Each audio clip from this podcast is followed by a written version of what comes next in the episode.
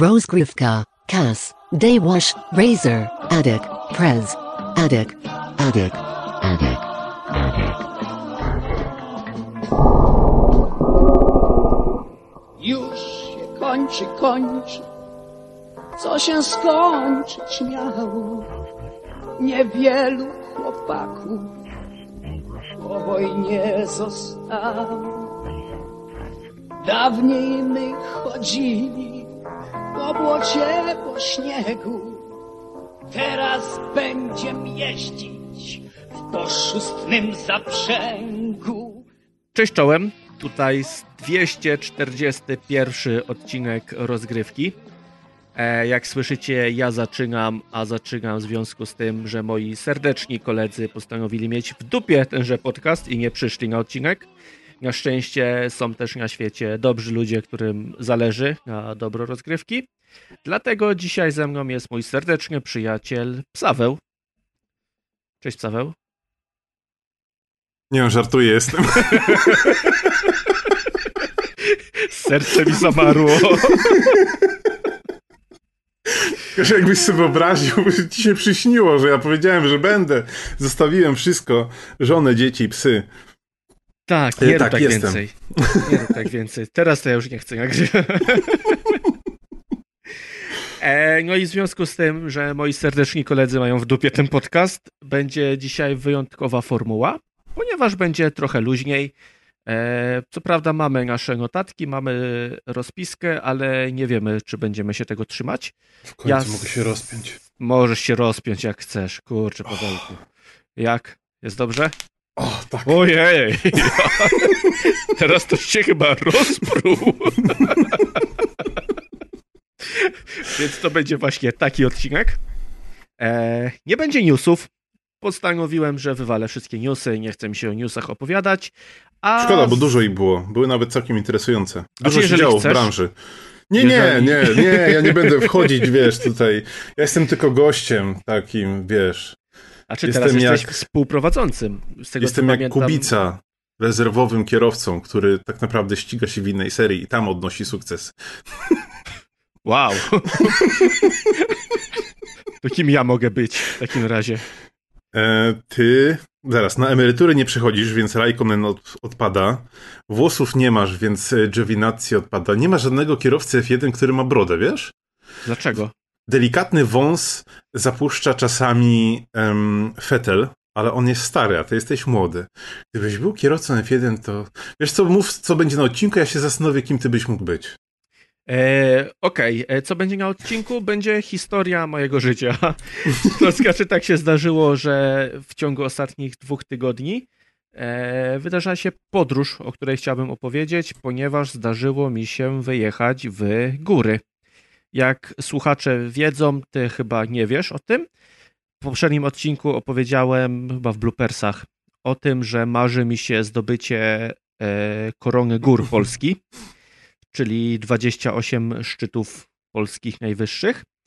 E, W związku z tym zapisałem się do kl- klubu zdobywców gór, Korony Gór Polski. Już przyszła O! do mnie legitymacja, znaczy książeczka, przepraszam. I to jest taka książeczka, do której zbiera się pieczątki w momencie, gdy jest się na danym szczycie, bo zawsze gdzieś tam jest w pobliżu schronisko albo jakiś punkt, gdzie, gdzie te pieczątki można wziąć.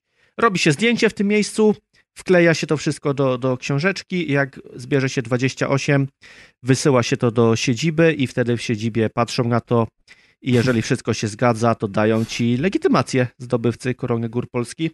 To jest Wow. taka drobna gamifikacja świata rzeczywistego i to się Nice. prawie nic nie daje, bo to jedynie co to zniżki w niektórych punktach, ale jest taką fajną, fajną Nie, no przygodą. Satysfakcja jest chyba największa. Tak, to jest tak, pamiątka tej twojej drogi, którą przebyłeś. Tak, co prawda, wiesz, te góry w Polsce to, to nie są jakoś super wysokie i, i tak naprawdę trzy czwarte z nich to można z biegu po prostu wejść i zrobić, a jedyny Tak, problem ja jest... słyszałem o tych twoich wyprawach. Ja słyszałem, jak to Ja tam to z biegu. Tam. Dzisiaj będzie Znam ludzi, takiej- którzy obok ciebie szli i nie wspominają tego dobrze. zostali zjedzeni. I właśnie na pierwszą, nasz, czy pierwszy szczyt, jaki sobie wybraliśmy, to jest Tarnica, która znajduje się w Bieszczadach, 1346 metrów. I Ja ostatnio badałem i jest w porządku. tak, jest Tarnica, wszystko spoko? Mhm. Super, super. A biskupia kopa? nie, kopy nie badałem. A, to będzie odcinek. Tak, wyjechaliśmy sobie w Bieszczady na przedłużony weekend, to znaczy trzy dni, tak właściwie cztery, ale pierwszy dzień to była sama podróż. E, jak to wyglądało? Zaplanowaliśmy sobie, ja będę też opowiadał o, o narzędziach, jakie wykorzystywaliśmy, przez to, że, że to była dla mnie pierwsza taka podróż, to jestem podjarany wszystkim i być może dla stałych bywalców gór to nie są w ogóle żadne informacje, a dla mnie to jest nowość i chcę o tym powiedzieć. E, pierwsze, co sobie zrobiliśmy, to jeżeli planuje się wycieczki w góry, no to warto sobie rozrysować trasy, no ale już nie, nie żyjemy w analogowych czasach, więc mamy dostępne do tego mapy, które służą tylko i wyłącznie, znaczy nie tylko i wyłącznie, ale głównie do podróżowania po górach, gdzie są rozrysowane szlaki, gdzie tam pokazuje przewyższenia i tak dalej. Dotychczas używałem mapy turystycznej, która wydawała mi się idealna, ale tym razem użyliśmy mapy naszych czeskich sąsiadów. Mapa się nazywa mapy.cz i można tam sobie wyznaczyć całą trasę, założyć konto, zapisać te trasy i później na telefonie śledzić na, na, na żywo, w którym miejscu danej trasy się jest, na jakim przewyższeniu, ile jeszcze nam zostało, to się łączy z GPS-em, można mapy offline pobrać, więc wow. nawet jak jest się gdzieś tam w środku gór, gdzie nie ma zasięgu, to jakieś pojęcie o tym, gdzie się jest, e, się ma, więc to była super sprawa. E, oprócz tego od razu coś, co poznałem, o czym wcześniej słyszałem, a nigdy nie używałem, to jest aplikacja Splitwise. Nie wiem, czy używałeś kiedyś. To, to jest do dzielenia rachunków? Tak, do dzielenia rachunków. Nie wiedziałem, że to działa tak super. Że. Znaczy, na początku w ogóle nie rozumiałem o co chodzi. Bo aplikacja działa tak, że wpisujemy. ciebie chciał pieniądze. Tak, ale wpisuje się w. Znaczy, zakłada się w apce grupę, dodaje się osoby. Jeżeli są wydawane jakieś pieniądze, to, to w tej apce się to wpisuje, kto wydał i, i za kogo płacił. I aplikacja na żywo przelicza to, kto komu ile jest winny. Mhm. I przez to, że ona jest inteligentna, to od razu przelicza tak, żeby nie było tak jakby pośrednich kroków, czyli jeżeli ja wiszę osobie B, a osoba B wisi osobie C, to ja od razu płacę osobie C. To jest taki bardzo prosty przykład. Ale przez to, że na końcu tego wyjazdu tych długów tam było dużo różnych, to okazywało się, że z momentu, gdzie ja komuś wiszę hajs, ktoś inny wpłaca i nagle mi ktoś inny wisi hajs. I do samego końca Wyjechałeś wyjazdu... bez kasy, a wróciłeś miałeś tak, 10 tysięcy złotych. Tak, do końca wyjazdu ja nie miałem pojęcia, co się dzieje. Do teraz nie wiem, ile wydałem. Dalej pieniądze wchodzą na swoje Ale konto. właśnie nie muszę nikomu nic płacić. Nice. Więc tak, poznałem taką aplikację, będę na pewno częściej używał, bo jest super wygodna. Tylko trzeba pamiętać. Widzisz, że to będzie w innych grupach też działać. tak, że to jest... Chodźmy na lunch ze wszystkimi, po prostu każde spotkanie. Rzuciłem pracę i teraz żyję, żyję tylko ze Splitwise'a. I tak, e, ruszyliśmy sobie w, w, czwartek. Podróż w Bieszczady zajęła nam troszkę ponad 6 godzin z Warszawy. No więc to była taka dość porządna trasa, ale też dlatego chcieliśmy wyjechać wieczorem, żeby się wyspać i następnego dnia ruszyć od razu rano. Pojechaliśmy do miejscowości Smerek i tam też mieliśmy nocleg, o którym być może później opowiem, ponieważ był super. No i w piątek z samego rana ruszyliśmy na szlak. E, plan był ciekawy, ponieważ jest to 24 kilometry po górach. Aplikacja nam wyliczyła, że to jest jakieś 9 godzin i 15 minut wow. ciągłego chodzenia. No bo o, o, ile po płaskim te się chodzi dość szybko, no to jednak po górach te przeliczniki są, są zupełnie inne i, i nie da się łatwo powiedzieć, no ile będzie się szło. Szczególnie, że mieliśmy 1400 metrów przewyższeń, to znaczy 1400 w górę i 1400 w dół sumarycznie. Jesus. Oczywiście to nie jest tak, że jednym ciągiem, ale bo, bo, bo kilka szczytów po drodze zdobywaliśmy, ale jak to się wszystko doda i odejmie, to, to tyle wychodziło. E, mieliśmy bardzo hardkorowe podejście na starcie i tam przez jeden kilometr było, że prawie że pionowo. A na szczęście na, na samym początku jeszcze wszyscy się jarali tym, że idą, więc nie było żadnego problemu z tym. E, myślałem na początku, że, nie, że trafiła nam się słaba pogoda, bo trochę padało, taka mrzawka i była kupa mgły, ale to takiej, że dookoła było biało, że nie wiem, 20 metrów do przodu i już się robiło białe mleko i nie było widać co jest dalej. I okej, okay, nie było przez to widać widoków górskich, ale samo wrażenie, jak idziesz sobie po szczycie i widzisz po lewej mleko, po prawej mleko i ty idziesz środkiem i masz to wrażenie... Musi mega wrażenie. Tak, i masz wrażenie, że nic dookoła nie ma. Mhm. To, to dodaje wrażeń, więc ucieszyłem się, że, że jest taka pogoda. A była jeszcze taka głucha cisza, czy jednak coś tak, tam... Tak, była głucha cisza, ponieważ trasy, które wybraliśmy, były takie, takimi mniej uczęszczanymi trasami, o czym też jeszcze za chwilę powiem. E, więc wrażenie było niesamowite, szczególnie jak wchodzisz sobie do lasu i masz takie wejście, jakbyś wchodził do bossa od Solsów, bo tam też jest taka mgła.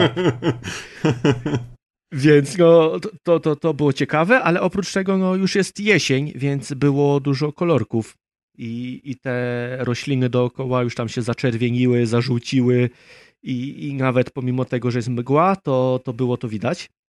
E, szybkie obejście trasy, jeżeli kogoś to ciekawi, to wyruszyliśmy ze Smereku, podobno tak się odmienia nazwę miejscowości Smerek. E, ruszyliśmy sobie na taką górę jak Fereczeta, 1100 metrów, później Okrąglik też 1100. To brzmiało włosko. Tak. E, Kurników 1037, to już mniej. Płasza 1163, e, Riaba Skała 1199, Paprotna 1198, Jawornik 1121 i do miejscowości Wetlina wyjście. To część tam jest, a nie, to, to chyba przez Park nie, Narodowy nie przechodziliśmy. Tutaj cały dzień była cały czas tam mgła, więc tak naprawdę za dużo widoczków nie, nie było oprócz tego, o czym wspomniałem. Było bardziej takie zaznajomienie się z tym, jak chodzi się po, po górach, bo szczerze mówiąc, ja nigdy nie chodziłem tyle. Ja lubię chodzić po górach, ale to zawsze były wycieczki takie na maks 5 godzin. A... Nikt z tobą więcej nie wytrzymywał. E, to prawda, mieliśmy normalnie taką ekipę ludzi mieszanych. Jedni, którzy, jedni, którzy chodzą wow. po górach, a drudzy, którzy nie chodzą po górach. A tym razem mieliśmy taką ekipę czysto górską, ukierunkowaną na chodzenie po górach. I przez cały wyjazd bałem się, że to ja będę najsłabszym ogniwem, bo, bo jednak ludzie, z którymi jechałem, byli wytrenowani, e, biegają nie tylko Rangmagedony, ale wszystkie inne biegi z przeszkodami, takie Jak samochodem jechaliście, to ich połączone uda cię ściskały, tak? Z ja jechałem z przodu na szczęście. A, więc jaką, tak. jaką ten świeżaka cię puścili do przodu. tak, tak, tak. Nie, nie, nie, nie było tak, to, że same wielkie chłopy, jak u trenera Pawła. E, no, ale wysportowani ludzie, którzy śmigają sobie po świecie i są bardzo wysportowani, więc obawiałem się, czy nie będę spowalniał ekipy. Na szczęście nie. Udało się tak, że w miarę wszyscy szliśmy tym samym tempem i raczej nikt nie marudził i nikt nikogo nie spowalniał. Raczej. Raczej, tak. No bo to ciężko ocenić. A no, ile ale... osób przyjechało, a ile wróciło? nie, jechaliśmy we czwórkę i wróciliśmy we czwórkę. I teraz tak, po tym jak przeszliśmy cały ten szlak, wyszliśmy w miejscowości Wetlina, E, I tam zabrano mnie do rzeczy, która nazywa się Baza Ludzi z Mgły. Bo coś, o czym nie wspomniałem, wow. To to, że ekipa, z którą szedłem, e, od dawna jeździ w Bieszczady i oni tam za czasów liceum i studiów już śmigali i znają te miejsca z tego, jak wyglądały 10-20 lat temu, znaczy 20 przesada, 15 lat temu. I baza ludzi z, z mgły to jest taka speluna. Przynajmniej tak mi to opisywali. Zresztą coś, na co e, cały czas mnie nakręcali, to był mózgotrzep, mózgojeb, drink, który był z taniego, z taniego wina. Znaczy mówili, że jedno wypijasz jest koniec. Właśnie z jakiegoś taniego win, wina. Smakowało jakby to była takie, nie wiem czy piłeś takie oranżady czerwone kiedyś. O Jezu. Ze spirytusem. A poczekaj, ty to wypiłeś? Oczywiście, że wypiłem. Ale to jest A ty w ogóle... się wczoraj obudziłeś, tak? To jest w ogóle śmieszna rzecz, bo E, tego nie było w karcie już, no bo to było 15 lat temu i ten lokal zmienił właściciela, został odnowiony, już nie był starą bazą ludzi z mgły, ale się okazało, że jak się poprosi o tego drinka... zostały. nie ma go w karcie, ale można poprosić o niego i barman wie, jak go zrobić i wiesz, i robi go tak jakby spod stołu trochę. To to jak te sekretne menu w Starbucksie, że można dla psów zamówić tamten. Tak, dokładnie tak to wyglądało. Ale i wszyscy mówili, że wiesz, że to jest takie okropne, ale każdy musi to wypić. I dwóch moich towarzyszy zamówiło sobie też po takim. I to było tak, że mieliśmy mieć na pół. To znaczy dwa drinki na cztery osoby. Ale ja tak czekam, ja tego mojego drinka czekam, patrzę na tą drugą osobę, a on już prawie trzy czwarte wychlał. Bo się okazuje, że jak już zaczynasz pić, to już cię nie da przestać. Ale ekipa była też dość zawiedziona, że to już nie jest Ale taka... co, konsystencja jest takiej galaretki, że po prostu Tak, jak już tak. zaczniesz siorbać, raz. to... Jak w takim starym kawale okropnym, którego nie, nie. przypomnę teraz. Ale chyba Czerwone galaretki to może jednak nie. E, że byli troszkę zawiedze, zawiedzeni, że to, że to nie jest już taka speluna. E, na szczęście okazało się, że jest. że po prostu... Były po prostu drugie drzwi, tylko pierwsza była część odmalowana. Nie, właśnie jest część wyremontowania, wyremontowania, ale ludzie są cały czas ci sami. Więc to było tylko pierwsze wrażenie. Ale co się stało? E, Myślałem, że tak jak na westernach, że wiesz, taka stała taka te- tektura na, na początku E, się nie, przewróciła i tam cała reszta siedziała po prostu i taka cisza się zrobiła. Dobrze trafiłeś, bo wejście jest westernowe. Są te takie obrotowe drzwi, takie podwójne. Jaki czad.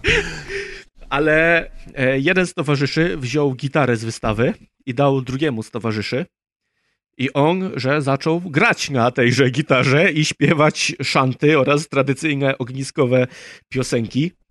E, Połowa tego lokalu się dołączyła, zaczynała śpiewać, dawali mu drinkę, stawiali mu, wiesz, tam wódeczkę przed nim. Wszyscy zaczę zaczęli się bawić. To był jakiś taki scena jakby z filmu wyjęta. Ja w ogóle nie do końca wiedziałem, co się dzieje. Bardziej z RPG jakiegoś takiego, Trochę wiesz, tak. typolna scena w, w tawernie, nie? Trochę tak. I ja nie do końca wiem, co się dzieje. Bawi mnie to wszystko, ale tak abstrakcyjna rzecz. Świat się kręci. Za chwilę przychodzi. Przyszły elfy. Nie, za chwilę przychodzi zespół, który w ogóle miał tam zagrać. A Grają tak, ja jedną myślę, że tam nikogo nie było, wiesz? mózgojew. tak. Ale ja mam nagrania. I teraz wysyłam ci to nagranie, a tu siedzę w tym lesie, jest mgła dookoła. Na, na pieńku siedzi. Jak fajnie grają. Grajcie jeszcze. I te grzyby jeszcze. Ja sam wypiję. Nie, ale wchodzi zespół, zaczyna grać piosenkę i nikomu się nie podoba. Wszyscy chcą, żeby ten kumpel grał dalej, bo gra O lepiej. wow. O wow. I faktycznie zagrali sobie tam dwie, trzy piosenki na zmianę. E, ludzie lepiej się bawili, jak grał ten, ten, ten nasz kumpel. Za chwilę... Tak Rihanna wróciła właśnie z nieudanej trasy koncertowej.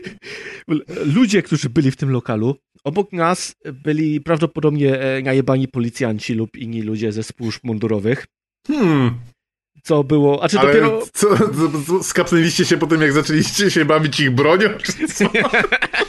Jak kobietę uderzyli. E, Patrzcie, nie, bo, jak, o wow, wow. jak... e, Bo opowiadali nam jakąś historię, jak już byli najebani i po prostu tak mimochodem rzucili, że, ułoży, że włożyli na dach koguta. I my wtedy nie skojarzyliśmy tego, co to jest za kogut, ale później jak już byliśmy w domu, tak sobie rozmawialiśmy, czy oni przypadkiem nie byli ze służb i nagle ich taka agresja, która wyszła po alkoholu, ich zachowanie, wszystko miało sens. Więc, więc stąd ten mój, mój wkręt niemiły. Czasem taki przebłysk jedzie po prostu jakiś taki deus stały rano z kogutem na dachu, nie? Bo, bo, piej, kuraku, piej! No i to byli jedni ludzie.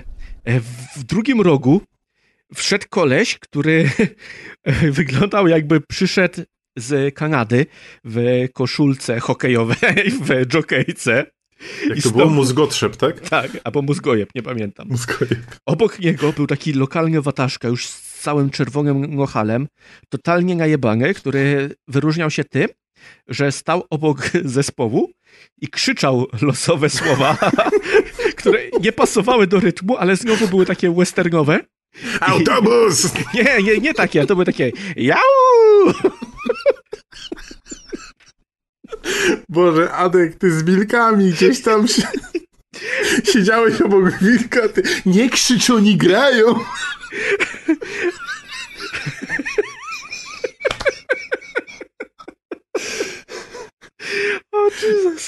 Mam Dobra, czekam zdjęcia, kiedy, kiedy, no, czekam, kiedy te grzyby dostałeś. zdjęcia i nagrania. Grzyby zebraliśmy właśnie tego wieczoru schodząc i faktycznie nie byliśmy wtedy w Parku Narodowym, dlatego mogliśmy je zebrać. E, tak, bo jeden z naszych towarzyszy okazał się początkującym grzybiarzem i całą drogę oglądaliśmy grzyby i na samym końcu znaleźliśmy opieńka, opieńkę miodową, która w domu okazała się opieńką ciemną. E, i- Po rozgotowaniu jasno. A później właśnie- wrócił ten z Kanady. Nie, bo historia jest taka, Paweł się trochę śmieje, ponieważ ja dostałem część tych grzybów, a że mój towarzysz zbierając je powiedział nie no kurwa, chyba to jest to. I ja mu uwierzyłem i poczytałem sobie w domu, no i okazało się, że w najgorszym wypadku, jeżeli to nie jest to, to będzie trzy godziny sraki, znaczy trzy dni, ale nie umrę. Boże, Adek, jak ty czytasz? Trzy godziny to znaczy trzy dni. Siedziałem Ale- w lesie, słyszałem, słyszałem jakiegoś gościa, który krzyczy na drzewo. Co tu się dzieje? I mam zdjęcie z niedźwiedzie. To ten zespół, co przyjechał, tak? Oddaj mu tą gitarę! Nie, ale w, w zespole była kobieta i jeden z policjantów, taki największy, gdzieś tam powiedział, "A fajna taka, taka hetera.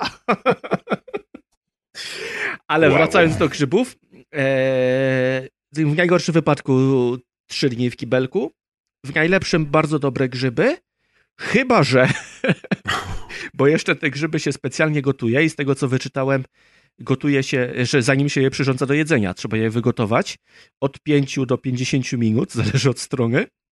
Jeżeli się to źle zrobi, no to niestety trzy dni w kiblu. Co więcej, przy wygotowywaniu nie wolno nawet wdychać oparów tego wywaru. Więc ja siedziałem w domu w maseczce.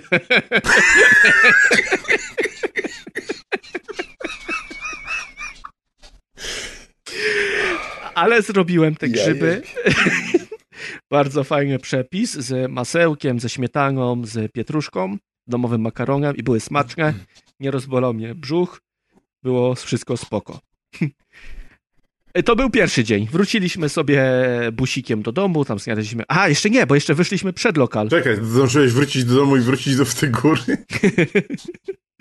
Nie, to był szybki skip czasu z grzybami do, A, do okej. czasów teraźniejszych. A to tak czasami jest. Wyszliśmy sobie z tej bazy i jeszcze usiedliśmy przed nią, znowu z gitarą.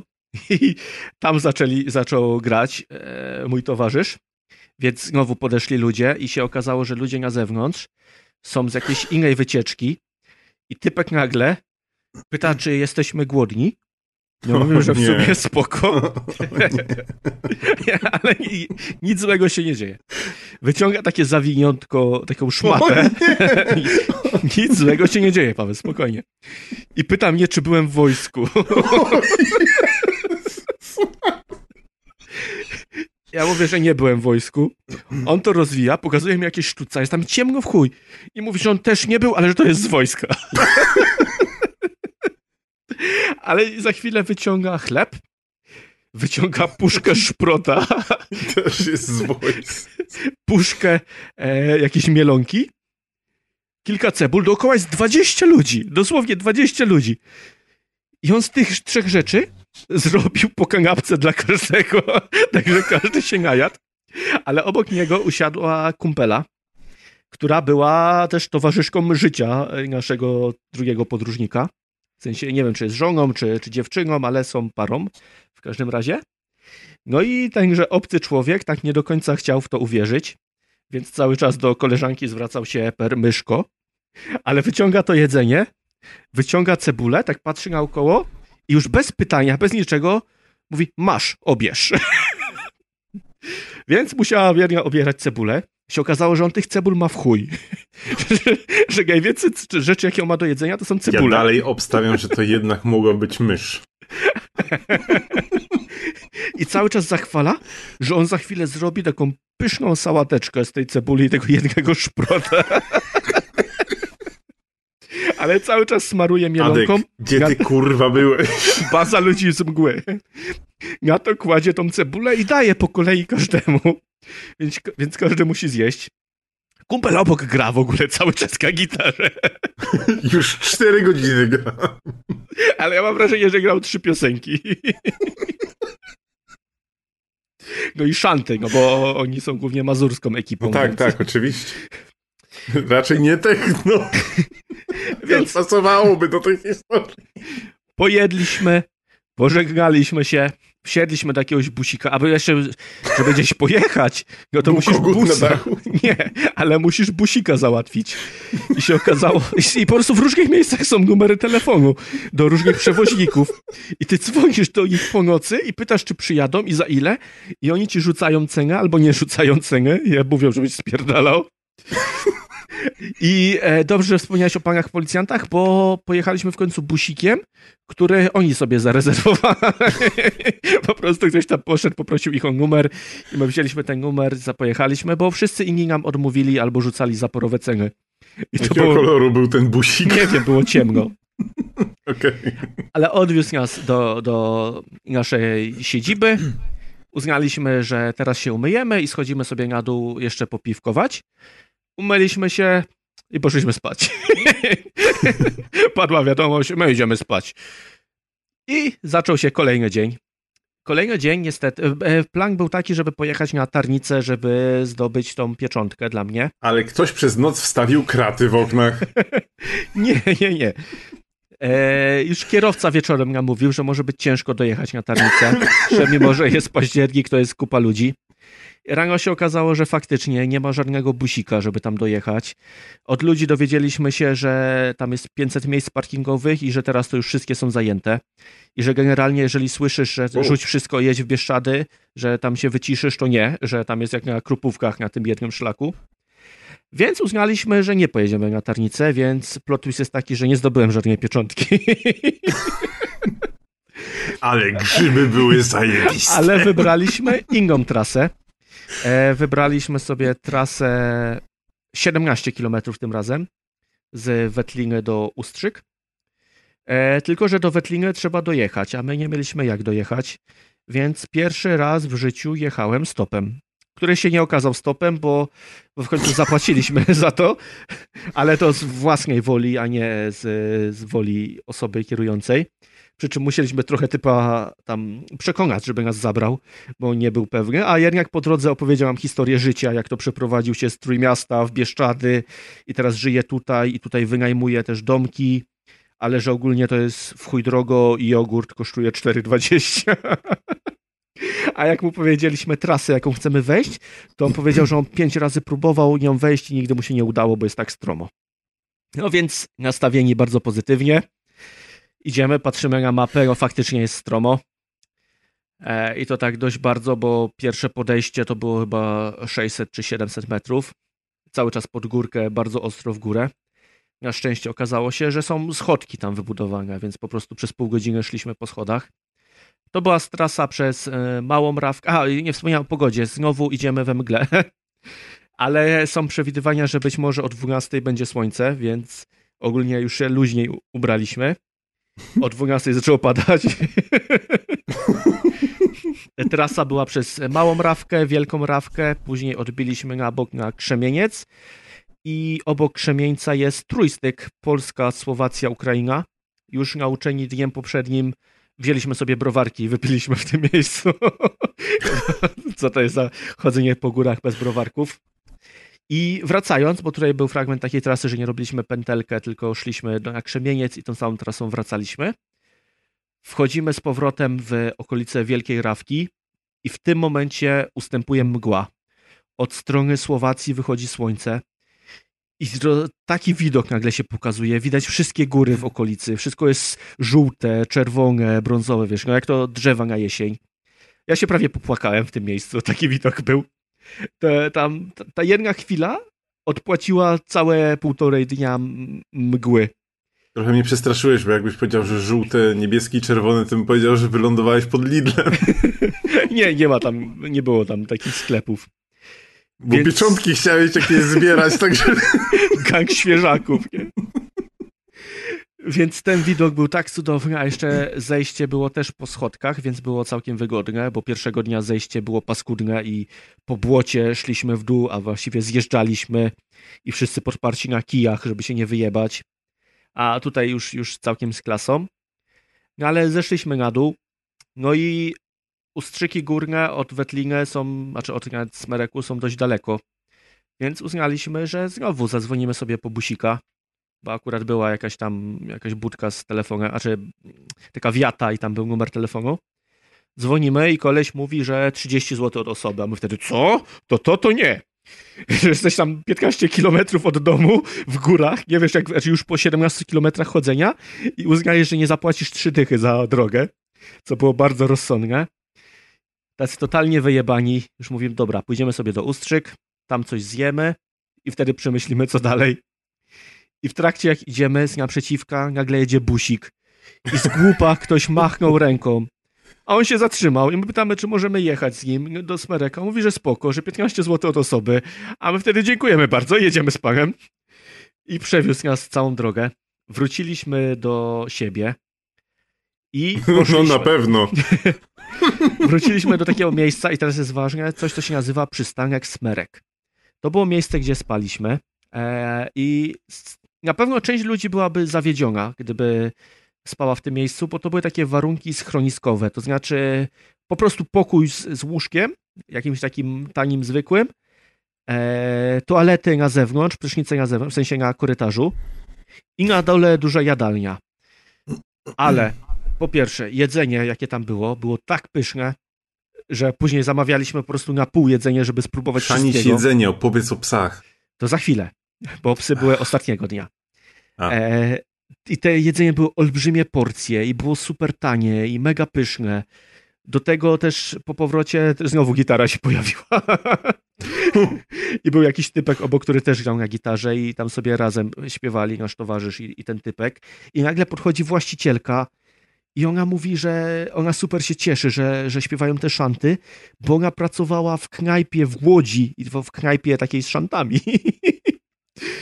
I że jej to przypomina teraz stare czasy. I ona usiadła obok nas i tam sobie słucha tą muzyczkę. Później jeszcze następnego dnia z godzinkę przegadaliśmy. Się okazało super w porządku babką. Wszystko, co można załatwić w tym, tym, tym przystanku Smerek, czyli nie wiem, bo wyjazd jest o 11, w sensie koniec doby. Ale jeżeli wyjdziesz o 15, to nic złego się nie stanie. Jeżeli o 23, też spoko. Po prostu poinformuj to, jeżeli nie, nie ma tłoku, to, to nie ma żadnego problemu. Nawet jeżeli tam nie nocujesz, chcesz zostawić sobie e, bagaż, nie ma żadnego problemu. My przyjechaliśmy później, więc oni czekali specjalnie na nas, żeby nas wpuścić. No to miło. Super w porządku babeczka. Zresztą ja poszedłem do baru, biorę sobie piwko i pani mi mówi, że on jest bezalkoholowe. Ja mówię, o Jezus, co ja biorę? Taka miła osoba tam była. E, wieczorkiem sobie pograliśmy w planszówki, więc było bardzo spoko. Wypiliśmy jeszcze więcej piwa, dużo lokalnych piw, dużo kraftów, do tego dobre jedzonko.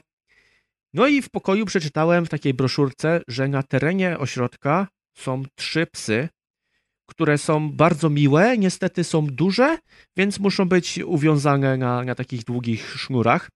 O ile nie są, jeżeli, są w okolicach ośrodka, to są na tych sznurach. Jeżeli są u siebie, no to mają tam cały, cały swój wybieg. E, i że one są dlatego, że one bardzo się cieszą, że one bardzo lubią ludzi, ale ważą po 70 kilo, więc dziecko mogą przewrócić. No i poszliśmy do tych psów. Się okazało, że to są trzy wielkie Nowofunlandy, które wyglądają jak niedźwiedzie. Jeszcze na wszelki wypadek dopytaliśmy pani właścicielki, czy możemy je pogłaskać. Czy to te psy, czy to niedźwiedzie? tak. Pani się zgodziła, więc poszliśmy tam. Jak ja je wytuliłem, jak ja je wygłaskałem. One same cisnęły głowę, żeby się przytulić. Jak Widziałem zdjęcia, one były większe od ciebie. Tak, no 70 kilo każdy. To jest olbrzymi pies, taki puchaty. A ja sobie też od razu poczytałem, e, skąd ta rasa się wzięła i, i do czego była wykorzystywana. I nie wiem, czy, czy znasz historię Nowofunlandów. Czy wiesz, do, do czego były wykorzystywane te Nie, nie, w ogóle, znaczy znam rasę, ale, ale nie znam genezy. Bo spodziewałem się, że one były jakieś albo pasterskie, albo jednak takie bardziej jakieś agresywne. Ale okazuje się, że polska ich nazwa to są wodołazy I to były psy, które były przy rybołówstwie wykorzystywane. One uwielbiają pływać i one pomagały wyciągać sieci rybackie z wody. O wow. I do teraz mają taki odruch, że jak obok nich coś się topi, to one to wyciągają. I, i może być nawet Później tak, szarpią. tak, może być nawet tak, że ktoś się nie topi, a po prostu pływa, ale ten pies ma na tyle silny instynkt, że będzie próbował taką osobę wyciągnąć. Wow.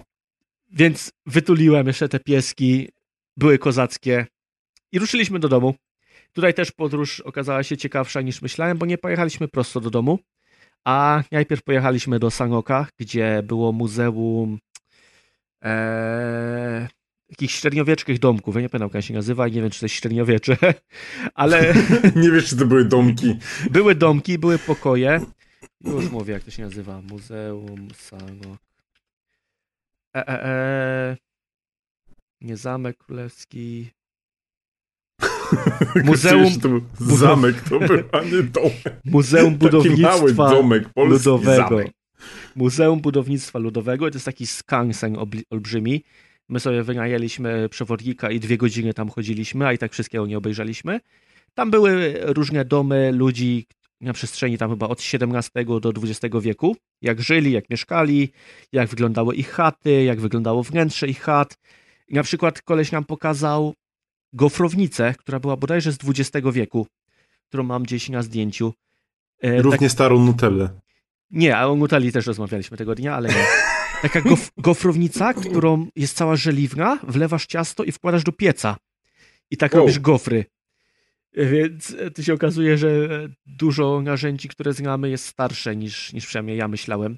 Bardzo fajna wycieczka, dużo, du, dużo ładnych rzeczy, tylko koniecznie z przewodnikiem, bo bez przewodnika to nie zobaczy się tam połowy rzeczy, bo są pozamykane i wchodzi się tylko z nim, a o drugiej połowie nie będzie się miał pojęcia w ogóle na co się patrzy, bo to jednak musi być ktoś, No, Kto- ale kto to z opowie? większością miejsc tak jest. bo to tam są e, ci Łemkowie i, i cała reszta różnych, różnych innych e, ras polskich, że tak powiem, mieszkańców. Tam sobie po- pochodziliśmy, ruszyliśmy dalej do miejsca, o którym ja nie miałem pojęcia, że w Polsce takie rzeczy się dzieją. To, zna- to znaczy do winnicy. Ja nie wiedziałem, że w Polsce robi się wino. A okazuje się, że właśnie w tym rejonie jest bardzo dużo Czekaj, nie wiedziałeś, że się w Polsce robi wino? tak, nie miałem, znaczy nie miałem pojęcia, że są takie winorośle, że masz pole z winami i tak dalej. Że są takie Tak. ma- małe, kraftowe, że tak powiem, rzeczy. Ja nie wiedziałem, że to istnieje. Więc jak powiedzieli mi, że jedziemy w takie miejsce i to było tylko tak, że wskoczymy, tylko kupimy sobie jakieś tam winko dobre i jedziemy dalej, no bo, no bo w ogóle nie umawialiśmy się na żadną wizytę ani nic, po prostu w okolicy. E, I pojechaliśmy do takiego miejsca, które nazywa się Spotkaniówka. To jest właśnie winnica na Podkarpaciu. Wchodzimy sobie do środka. Winnica jest sprowadzona przez małżeństwo, takie starsze. No i mówię, wchodzimy z biegu. Po prostu zadzwoniliśmy pół godziny wcześniej, czy są, czy możemy wpaść kupić. No i koleś wychodzi, nas tam wpuszcza i mówi, to co, chcecie zobaczyć, jak się robi wino? No, Pewnie. Zrobił nam całą wycieczkę po tym, gdzie, gdzie to wino sobie tam e, Mega, to fermentuje są bardzo fajne miejsca. i opowiadał o wszystkim, co tam jest. Później zrobił nam degustację, zrobił nam degustację wina musującego, które sobie testują teraz i ono jeszcze nie jest gotowe, ale otworzył butelkę, żebyśmy spróbowali. Otworzył jakieś czerwone wino, żebyśmy sobie spróbowali. Oprowadził nas po tych winoroślach. Zjedliśmy sobie winogronka prosto z krzaczka i on opowiadał, jakie w tym roku są i że są tam mniej cukru, więc nie może jakichś konkretnych gatunków robić i, i tak dalej. Super sprawa. Przesiedzieliśmy tam chyba godzinę w sumie. E, ja się czułem, jakbyśmy trafili do filmu Woody'ego Allena, bo to było tak na uboczu, on mówi takim spokojnym głosem, ale bardzo rzeczowe rzeczy, widać, że, że zna się na tym. E, Jego żona tak samo, ale ona też nam robiła takie wkrętki, jeszcze, znaczy wkrętki, takie opowiadania, e, że mają kota nowego, wiesz, takie, takie zwykłe, jakbyśmy się znali od lat. Znali, no. E, Co ciekawe, tam można też wynająć nocleg. I mają dwa pokoje i masz pokój z widokiem na te winorośla. Masz od razu degustację tego wina u nich. Więc super sprawa na, na wycieczkę. Zrobiliśmy masę zakupów tam, pojechaliśmy do Ale domu. powiem ci, że ogólnie jest chyba taka moda na. Znaczy, mi się wydaje, że zrobiła się mocno moda na właśnie takie e, kraftowe winnice, bo w naszym regionie bardzo głośno na przykład jest o winnicy Turnała, Grzegorza Turnała, który tam i na miejscu u siebie i robi takie prywatne koncerty i ma rodzinną właśnie winnicę, więc to nie jest tak, że on sygnuje po prostu jakieś wino swoim nazwiskiem, tylko to jest faktycznie jego rodzinna e, winnica i nawet nie wiem dokładnie w którym miejscu Polski oni są z, zlokalizowani, mhm. ale w naszym regionie bardzo jest popularne, bo e, z różnymi, e, z różnymi tutaj lokalnymi przedsiębiorstwami mają podpisane jakieś tam e, różne współprace i i wiem, że się pojawiło ogólnie sporo takich e, winiarni sygnowanych nazwiskami. Nie wiem dokładnie, czy są to też tak jak tutaj historia tej winnicy Turnała, że, że to jest jego taka, taka pr prywatna, czy tylko po prostu sygnują, bo E, znaczy w sensie, no stało się to chyba tak popularne, także, także są, są winnice jak najbardziej. Okej, okay, okay. nie, nie miałem pojęcia, a teraz do teraz myślałem, że to w ogóle na Podkarpaciu tylko, a jak mi mówisz, że w całej Polsce, no to wow. To jeżeli ktoś ma gdzieś w okolicy, to polecam. Okej, okay, to już, już tłumaczy, dlaczego ta winnica jest popularna w naszym regionie, bo ona jest z zachodnie pomorskiego. Także proszę bardzo, nawet nie wiedziałem, że to jest e, w miejscowości Banie, e, winnica Turnał tam jest e, winko i mają i noclegi i tak samo i takie jakieś degustacje i oprowadzanie i koncerty, także no okay, e, fajna rzecz do sprawdzenia, no. Tak, to jakieś wyjazdy takie weekendowe mega polecam. Fajna, fajna rzecz. No i dalej ruszyliśmy sobie już do domku. Wróciliśmy gdzieś tam bardzo późno.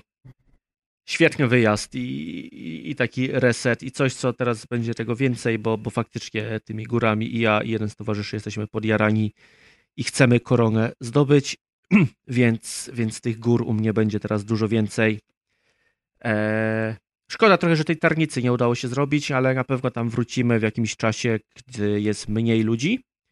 A coś, jaki pomysł nam teraz się pojawił w głowie, która jest na kiedyś przyszłościowo, to jest Bieszczady od strony Ukrainy. Żeby o, okay. tam sobie pochodzić, to podobno jest już trochę niebezpieczne. Eee, Brzmi jak ty. Trzeba Ciekawe, też... jakie grzyby stamtąd przywieziesz. Oby dobre. Ja nie lubię grzybów w ogóle. Ja je zjadłem tylko dlatego, że je zerwałem. To był pierwszy mój raz. E, podobno tam już jest bardziej niebezpiecznie, ale też paszport już trzeba mieć i już jakoś bardziej sobie przemyśleć tę wycieczkę. E, na pewno trzeba jakieś większe zakupy zrobić i właśnie tu sobie przejdziemy do kolejnego tematu, czyli co ostatnio kupiliśmy. E, ponieważ ja sobie na wyjazd robiłem, musiałem trochę rzeczy nakupować, przez to, że wiedziałem, że to jest takie większe chodzenie po górach niż, niż normalnie. I pierwszy raz w życiu kupiłem sobie softshella, który nie był jakimś takim tanią kurtką, tylko coś, co faktycznie ma jakiś tam stopień ochrony przed wiatrem i przed deszczem. Jestem tak zadowolony z tego. Nie podam modelu, bo nawet nie wiem. Więc e, jest zerowa wartość dla słuchaczy tego, ale po prostu chciałem się pochwalić, że mam, że działa i, i że teraz będę kompletował całe, cały ekwipunek w góry. Muszę sobie kupić jakiś porządny plecak i porządne buty, takie bardziej jesienno-zimowe, bo, bo moje były wios e, letnio, wiosenno-jesieniowe, takie bardziej do biegania trekkingowe, ale zadziałały też w górach. Więc jeżeli słuchacze mają jakieś polecanki, jakieś firmy, na jakie warto zwracać uwagę, na co w ogóle warto zwracać uwagę, to możecie śmiało pisać. Być może sobie jakoś z tego skorzystam. Ale wiem, że ty też sobie coś kupiłeś ostatnio. Tak, bo ogólnie Xbox teraz e, szykuje się do świętowania swojego dwudziestolecia. W już zaczął świętować, mimo to, że to e, pierwsza ich konsola w Europie, chociaż oni świętują bardziej od strony amerykańskiej, bo ich konsola pierwsza pojawiła się w 2001 w Stanach, a w Europie w 2002 i robią bardzo dużo rzeczy w kolekcji z tym pierwszym logo Xboxowym, które nadal szalenie mi się podoba, bo ono było takie bardziej e, agresywne i takie, takie kanciaste i takie z tym wgłębieniem takim bardzo fajnym, tonalnym, e, zielonym. Mhm. I zamówiłem sobie bluzę. Na bluzę jeszcze czekam, bo to było zamówienie przedpremierowe, ale dzisiaj e, pojawił się też pad i headset i pad, pada sobie zamówiłem, bo ja ogólnie kolekcjonuję, znaczy kolekcjonuję to duże słowo. Lubię zbierać nietypowe pady Xbox Kolekcjonujesz, widziałem twoją kolekcję, to jest pełnoprawna kolekcja. No, mam, mam y, sześć padów. No. Ale też znalazłem sobie właśnie fajną taką ramkę w Ikei i takie zawieszki na, na Allegro znalazłem i po prostu robię sobie z nich takie żywe obrazy.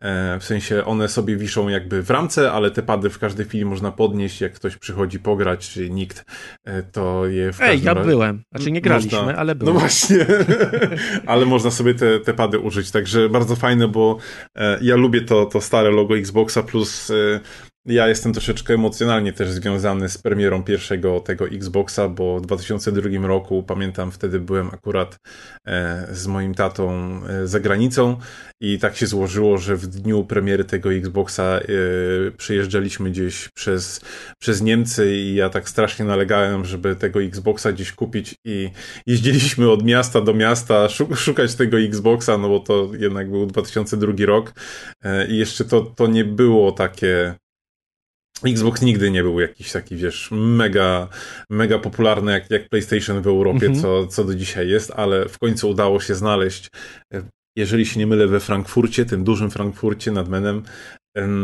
Toysaurusa, czyli taką sieć, która już chyba zbankrutowała nawet i to były takie wielkie hale wiel- wielkości makro, czy jakichś innych Selgrosów, całe po prostu w zabawkach. I e, to było o tyle fantastyczne, że my tam przyjechaliśmy, okazało się, że ja jestem tak fantastyczny z matmy i z literek, że w ogóle popieprzyłem daty premiery.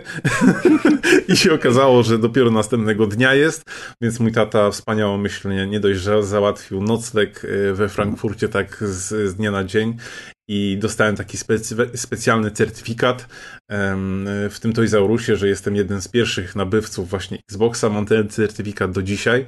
O, wow. Także, e, Może jakieś fotki później podrzucić mi? tak, jasne. E, wrzucałem też dawno temu na, na Twittera, także 19 lat ten, ten kartonik ze mną jest i jestem z niego em, e, jestem z niego niesamowicie dumny. Jakoś po prostu jestem emocjonalnie związany z tym pierwszym Xboxem i z tym logotypem, więc e, czekam na bluzę, bo jest bardzo fajna e, i czekam też na pada. On będzie miał chyba premierę jakoś na, na dniach, bo 15 chyba wychodzi, także, także nie mogę się doczekać, będę miał kolejne rzeczy do mojej, do mojej gamingowej kolekcji. Ale no, ja nie będę owijać w bawełnę. Twojej historii o wypadzie w górach to nic nie przebije tutaj Ale żadne. przez ciebie nie jestem pewny, czy ona w ogóle się odbyła. Słuchaj, nawet jeżeli się nie odbyła, to była najlepsza historia, jaką słyszałem w ostatnich miesiącach. Także nieważne o ilu grach bym dzisiaj opowiadał, także mi się już nie chce o tych grach opowiadać, no może o jednej mi się chce, ale no, no nie, no, rozwaliłeś system. Ale właśnie przez te, przez te podróż w góry sobie pomyślałem o grze takiej jak e, to, co ostatnio grałeś z Road e, 96. Road 96. mhm. Takie coś, tylko że w górach, gdzie dzieją się losowe eventy i ty po prostu podróżujesz po szlakach. Taki tam luźny pomysł na giereczkę. E, Powiem ci trochę Dead Stranding też. Tam też jest dużo takiej spokojnej wspinaczki, chodzenia właśnie po, e, po górach, ustawienia Kurczę, tych ty, linek, może- drabinek. Może to jest zagram. To jest, To jest, pomysł. ja naprawdę, e, Death Stranding jest jedną z niewielu gier, która prawie mnie przekonała do zakupu PS5, mimo to, że na PS4 miałem tam nabite 100 ileś tam godzin, bo ja jestem tą osobą, która chodziła, budowała te wszystkie autostrady, drogi, te inne pierdoły, które tam można było robić. Ja po prostu lubię takie gry. Okej, bo e, mam akurat otwartą zakładkę, bo chciałem Cyberpunka sobie kupić, ale może faktycznie w Death Stranding zagram.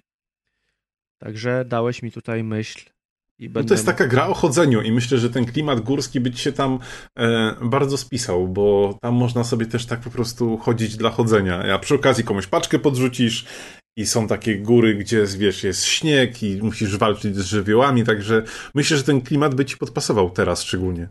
Okej, okej. To, to się bardzo mocno zastanowię nad tym. Ale chciałem jeszcze na chwilę do tego Xboxa wrócić, bo, bo to nie jest Mhm. tak, że. E, znaczy, teraz mi się spięło to, że ty nie jesteś takim Xboxowcem z pierwszej łapanki. E, po... nie to, że chcę teraz cię obrażać, tylko próbuję jakoś to ubrać w słowa. E, ponieważ nie wiem, czy słuchacze wiedzą, ale polski live jest też twoją zasługą.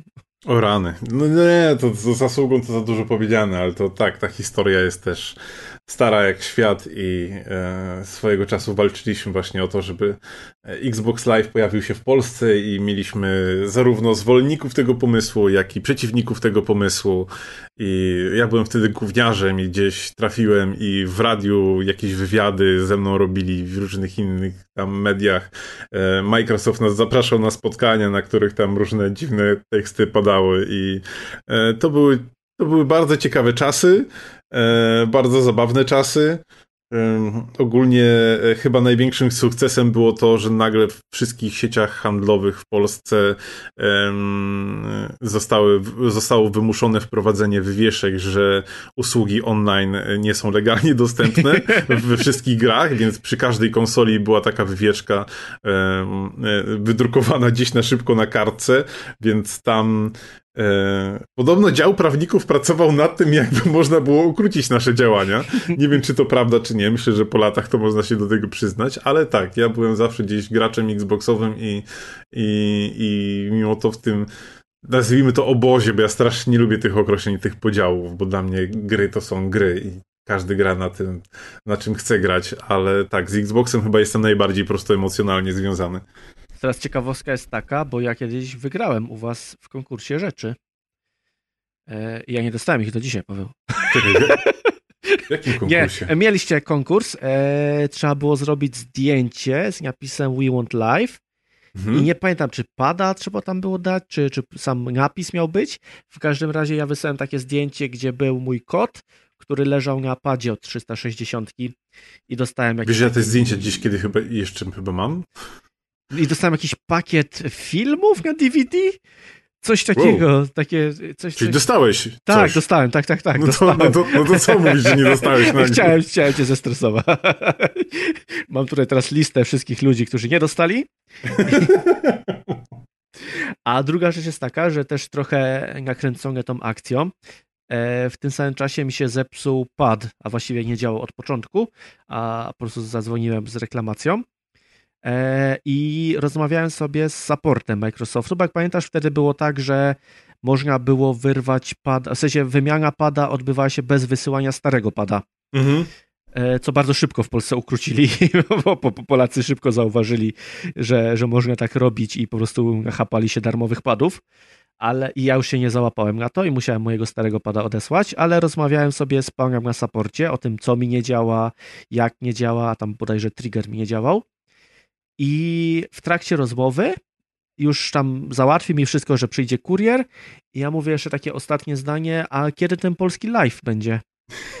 I on mi wtedy, że no wie pan co, z tym polskim live'em to jest tak i w tym momencie mi się pieniądze na karcie skończyły. Ale powiem ci tak, że po tej naszej akcji jak, nie pamiętam czy to było na E3, jak ogłosili właśnie, że, że dodatkowe kraje będą objęte e, live'em.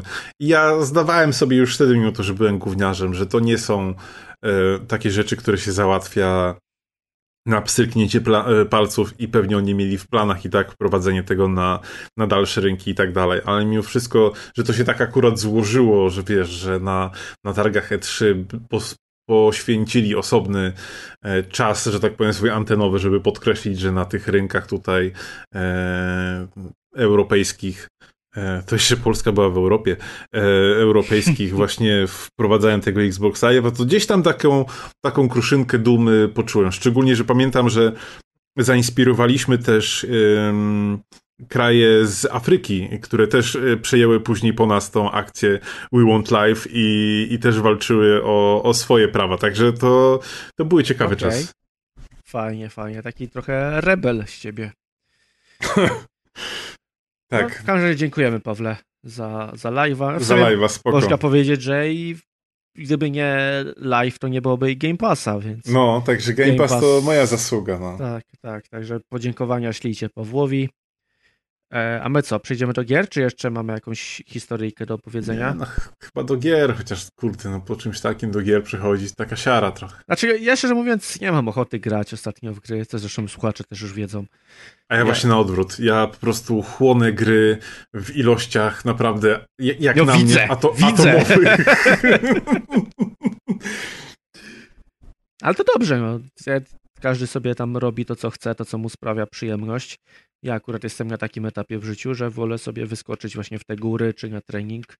Ogólnie chcesz powiedzieć, że ja wolę kisić o góra, siedzieć przed kanapą nie, i nie, nie, nie, to grać w grę, nie? nie chcę, tak? Nie, tak? nie to chcesz chcę powiedzieć? mówić, że tutaj coś jest lepsze albo gorsze, ale no granie jest gorsze. I każdy, kto gra w gry, ten śmierdzi nic nie robi. To jest, znaczy, to, a to ja jeszcze mam jedną taką rozkminkę, jeszcze zanim przejdziemy do tych gier, bo to jest coś, zresztą co pisałem kiedyś na, na naszym czacie, nad czym się zastanawiam, zastanawiałem wtedy i ostatnio też się zastanawiałem. To znaczy, jak bardzo bezsensowna jest moja praca. Gdzie. Wow. Ale daj mi powiedzieć o co chodzi. E, w kontekście takim, jakie znaczenie ma dla ludzi, tak ogólnie, i dla środowiska, no bo jakoś tam staram się dbać o środowisko, staram się nie produkować za dużo plastiku, jeść, ograniczać mięso i, i dbać o zwierzątka i tak dalej, żeby nasza planeta jakoś tam dłużej przetrwała, a z drugiej strony zajmuję się tworzeniem gier, czyli marnuję zasoby i prąd, który jest i tak ze spalania węgla, więc od razu niszczę środowisko, po to, żeby inni ludzie mogli marnować zasoby że to jest taka, taka wartość dla, dla świata bardzo zerowa, bardzo wyniszczająca. Ale poczekaj, spójrz na to tak. Może gdyby ktoś nie zaczął grać w gry, to musiałby jakoś spożytkować inaczej swój wolny czas. Jeżeli by na przykład zaczął latać po świecie, to latając samolotem wyrządziłby o wiele większe szkody dla środowiska, niż siedząc w domu i grając w gry. No niby tak, ale z drugiej strony te, te gry też latają czy tam pływają, wiesz, jakoś się transportuje. Więc gdzieś w tym łańcuchu y, rzeczy, które niszczą świat, wydaje mi się, że, że moja praca jest dość wysoko. Że żeby sobie w ogóle przeliczyć. E... Wszystko niszczy świat. To, to, to nie jest kwestia, wiesz, my cały czas zużywamy wszystkie możliwe zasoby i zużywamy naszą planetę, no bo nie da się tego ukryć. Możemy ewentualnie próbować ją chronić tam, gdzie można chronić, ale też musimy w tym wszystkim e, znaleźć równowagę i balans. I dla mnie gry to jest eskapizm, coś, czego bardzo potrzebuję e, w swoim życiu, bo pomaga mi radzić z moimi problemami, lękami i różnymi rzeczami, które gdzieś, gdzieś się dzieją, na które nie mam wpływu lub mam bardzo znikomy wpływ. I jeśli jakaś gra sprawi, że ja jestem w stanie, nie wiem, się wyciszyć, albo wpaść na jakiś dodatkowy pomysł, albo mnie zainspirować i ostatecznie wpłynąć na to, że dłużej jestem w stanie żyć na tej planecie i dłużej żyć według swoich wartości i na przykład czynić dobro, no to jednak rezultat ostatecznie moim zdaniem jest na plus. No dobra, Pawełku, dla ciebie będę robił te gry. Nic ciekawego mnie no, nie przekonuje. Ale swoje gry nie gram.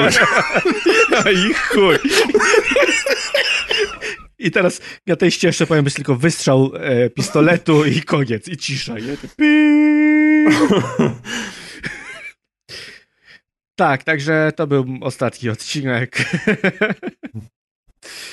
E, dobrze, nie. dobrze, tak. Znaczy nie wiadomo w ogóle. Gdyby moi serdeczni koledzy zaczęli pojawiać się na podcaście, to, to może by nie był ostatni.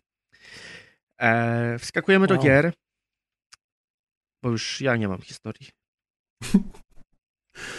Smutno się zrobiło.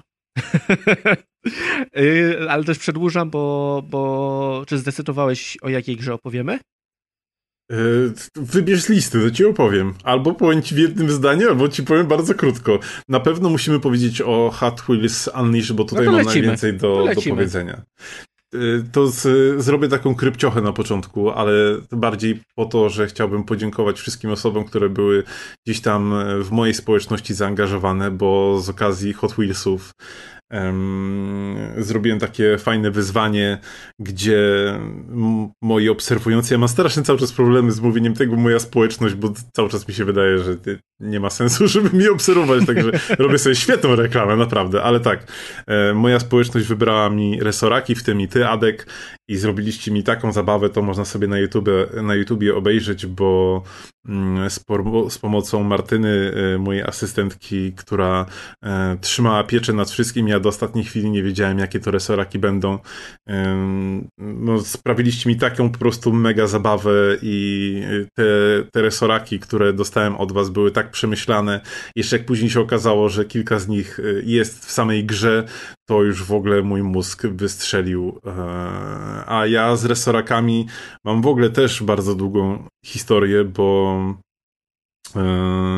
Resorakami zbawiłem się troszeczkę aż za długo, że tak powiem, bo e, w momencie, gdy wszyscy już przechodzili na jakieś poważniejsze hobby i e, już wiesz, nie wypadało chodzić do piaskownicy. Nie mówię, że miałem, wiesz, 35 lat i siedziałem w piaskownicy. Ale miałeś 35 lat. Ale miałem 35 lat. Ale tak, no chodziliśmy na taki specjalny taki murek, który gdzieś nam sięgał tak do pasa i, i jeździliśmy cały czas tymi resorakami z moim kolegą i te czasy naprawdę bardzo fajnie wspominam.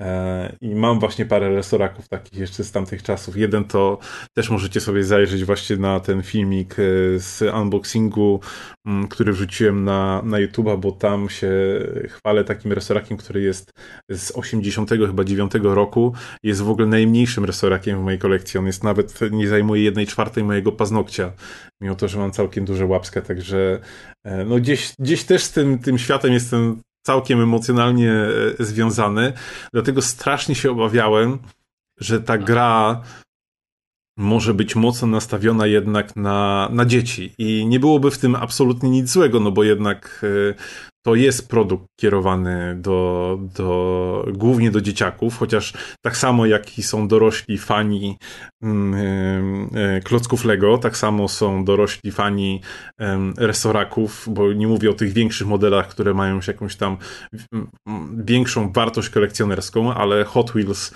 też stara się odnajdować tych, tych starszych użytkowników, którzy czują nostalgię i, i gdzieś chcą znaleźć jakieś miejsce w tym świadku dla siebie i robi dla nich jakieś kolekcjonerskie wydania. Ja ostatnio znalazłem też w ogóle serię, którą Hot Wheels robi, która nazywa się serią ID. I to są resoraki, które mają w sobie e, chip NF NFC, czy NFC, nie wiem jak to się tam profesjonalnie Możesz po czyta. polsku, jesteśmy w Polsce, może po polsku. NFC. E, e, Near Field Communications, to, dobra, nie będę tłumaczył, bo na szybko nie przetłumaczę. E, I gdzieś tam można je skanować telefonem i grać tymi samochodami w grze mobilnej i zapisywać na tym resoraku, ile on zrobił okrążeń i takie tam różne, różne ciekawe rzeczy. Jest też świetny kanał w ogóle. Ja chyba kiedyś już na rozgrywce o nim mówiłem, ale 3D Maker Bot na YouTubie się nazywa i to jest gościu, który e, jest komentatorem wyścigów resorakowych, które sam organizuje. I jest to o tyle ciekawe, że on sam buduje trasy, sam buduje tła do tego, do komentowania zaprasza swojego kolegę, ale ponieważ te resoraki e, po tych trasach jeżdżą tak szybko, że oni najpierw puszczają te wyścigi, później dopiero spowalniają to chyba razy dwa i dopiero nagrywają komentarz do tego. Ale tam jest wow tak wysoki production value, tam wiesz, on nagrywa jakieś dźwięki w tle e, wypadków, tam czy ludzie krzyczą, czy tam kibicują i to jest po prostu tak mega profesjonalnie zrobione, że naprawdę, nawet jeżeli mm, coś takiego by was nie kręciło, to 3D Maker Bot polecam na zerknąć sobie na YouTubie byle jaki jakiś materiał. Wow, to jest overlay to jest na... cały, kamera, jest replaye. wszystko, ale komentator też, znaczy ten, to jak oni komentują, to oni to wiesz, tak na poważnie do tego podchodzą i to tak jak tam te zespoły i tam fani im, e, jak wspierają ich na, na Patreonie, to też tam e, mogą wysłać jakiś swój resorak, który też staje się jakimś tam zespołem i też startuje w tych wyścigach.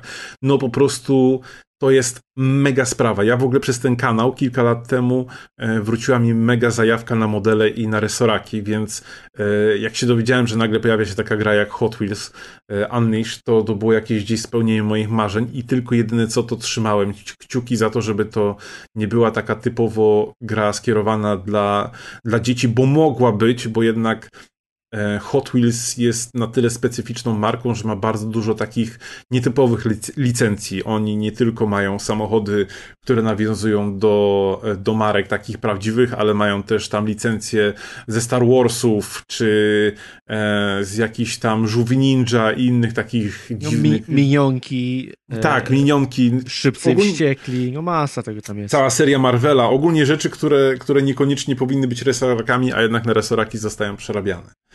No i ku mojemu zdziwieniu, E, bo jakoś totalnie zapomniałem, że za, że za grę odpowiedzialne jest studio e, Milestone, a to jest jednak studio, które e, robi, wydaje mi się, najlepsze na rynku wyścigi motocyklowe, więc z wyścigami mają sporo wspólnego.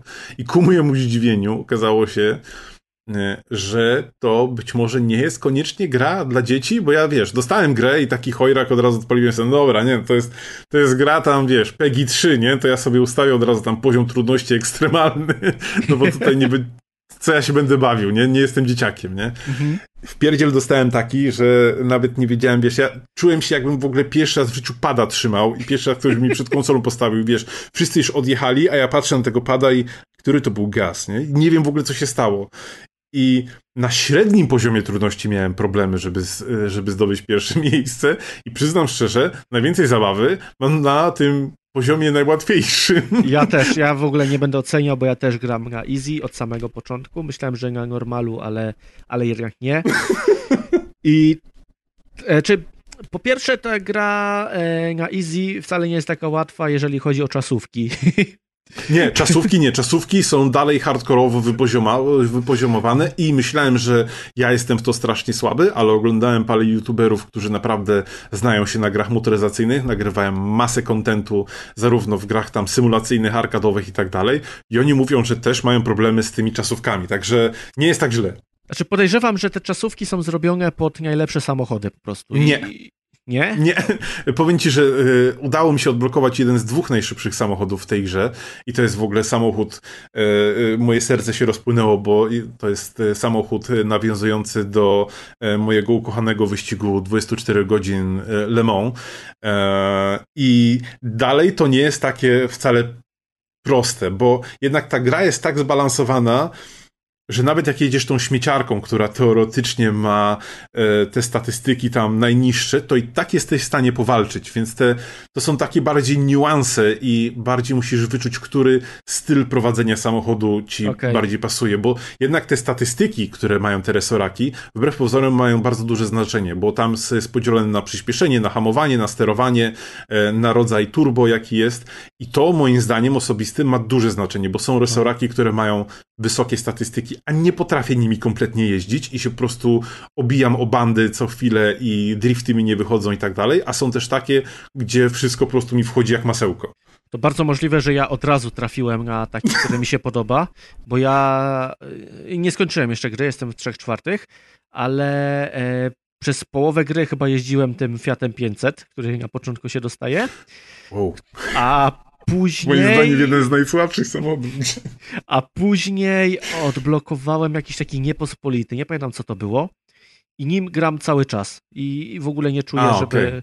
żeby gdzieś tam mi, mi uciekali inni. No, oprócz tych czasówek, no ale czasówki to, to niestety trzeba się nauczyć trasy na pamięć i mieć trochę szczęścia. Mm-hmm. E, a powiedz mi, jak ci się podoba cały ten motyw z driftowaniem? Bo pewnie nie jest dla nikogo zaskoczeniem, że to jest gra arkadowa i że nie ma co się spodziewać, że teraz będzie hiperrealistyczny model jazdy.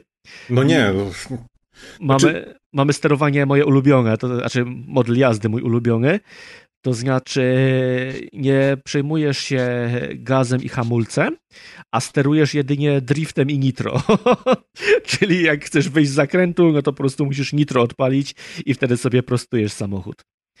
To jest dla mnie taka idealna definicja gry, e, jak to się mówi, easy to learn, hard to master, Aha. czyli łatwa do nauczenia, a trudniejsza do opanowania. Bo ogólnie, żeby wygrywać na poziomie easy, to nie trzeba mieć jakiegoś wielkiego skilla w grach motoryzacyjnych. W sensie, że, że myślę, że to jest na tyle wtedy już arkadowe i przyjemne, że można się w to dobrze bawić, jeżeli ktoś, nie wiem, e, chce sobie przypomnieć e, lata swojej młodości, czy pościgać się z dzieciakami, bo jest też e, split screen. Niestety tylko na dwie osoby, aż się prosi, żeby tutaj przypomnieć te czasy split screena na, na cztery osoby z takich grach, gier jak chociażby Mario Kart, czy no nie wiem, jakikolwiek innych gdzie można było ekran na, na cztery podzielić, ale samo driftowanie moim zdaniem w tej grze jest mega fajnie zbalansowane, bo raz, że jeżeli wiesz jak już ten drift działa, e, mhm. to dalej możesz bezczelnie sobie po bandzie pojechać i, i tak wygrać wyścig, ale jeżeli właśnie się kręci te czasówki albo gra się na wyższym poziomie trudności i wiesz jak się złożyć do zakrętu, rozumiesz te statystyki tego resoraka, który masz i wiesz jak operować turbo, bo czasami są na przykład takie zakręty, gdzie są te takie wielkie nawiewy z prawej albo z lewej strony, które gdzieś cię spychają z toru. Jeżeli wiesz, że możesz się mocniej na przykład zaprzeć o to, bo ten podmuch cię dodatkowo jeszcze obróci, to to jest tak miodne i to mi tak pięknie wchodzi i e, są takie wyścigi, że po prostu e, gubię to flow takie wyścigowe i absolutnie muszę przerwać wyścig, zmienić trasę, bo po prostu gdzieś e, wiem, że to mi się nie uda, ale są też takie, gdzie wchodzi po prostu wszystko tak, jestem wczuty w to wszystko i moim zdaniem to jest jedna z najlepszych arkadowych gierek motoryzacyjnych, jakie wyszła przez ostatnie lata, nawet nie w tym roku, ale przez ostatnie lata, przez to właśnie jaka ona jest prosta, a zarazem wy wymagająca, bo nie ma tutaj jakichś power-upów, e, w sensie w zasadzie jedyne power-upy, jakie zbieramy, to rzeczy, które wpływają na twoje przyspieszenie, Mhm. Bo albo przejeżdżamy przez e, pole, które szybciej naładuje ci turbo, albo które da ci turbo, albo da ci chwilowe turbo, ale nie ma żadnych tam, nie wiem, rakiet, strzelania, z czego ja tak, się tak, strasznie tak. cieszę. Bo Skórka od banana i tak dalej, nie? nie tak, nie ma tego. bo to by nie pasowało w ogóle do, do klimatu Hot Wheelsów. Jest cały czas tej samej szerokości trasa, bo to jest właśnie są takie trasy, e, takie nazwijmy to plastikowe, ale to świetnie znaczy, pasuje do są klimatu. Plastik, znaczy, bo one są plastikowe. Z tak. tego, co, co pisał e, El Gasho, nasz słuchacz, to, to to są faktyczne rzeczy, które są w Hot Wheelsach, że to są mhm. trasy, takie fragmenty tych, tych prawdziwych tras i w ogóle to jak to wygląda, jak wyjeżdżasz z tej głowy dinozaura, czy wjeżdżasz do niej, czy w ogóle taka trasa, która jest podwieszona pod sufitem i ona w pewnym momencie wychodzi za jakąś tam szopę i jesteśmy gdzieś w powietrzu i widzimy w tle słońce świecące i ty sobie driftujesz tym samochodem na zakręcie, to tak pięknie wygląda. Pięknie wygląda. To jeszcze widziałem screenshoty, jakie tobie udało się złapać, to już jest w ogóle magia. To, to, no. to bym po tych screenshotach powiedział, że to są prerenderowane rzeczy, a nie screenshoty na żywo wzięte z gry. Oczywiście wiadomo, jest... tam photomode trochę podbija, ale nadal to wiadomo, wszystko jest super. Ale, ale nadal to wygląda świetnie i tam na, na start też dostajemy strasznie dużo tych Znaczy inaczej, w podstawowej wersji gry jest masa tych resoraków, bo jest chyba ich tam 60. 60. Jest 60. 60. Tak. I jest fajnie, bo jest taki miks absolutnie... 66, przepraszam, dokładnie. Jest 37 e, Hot Wheelsów oryginalnych, 5 e, Entertainments, 15 Real Manufacturers i 9 ukrytych. No proszę.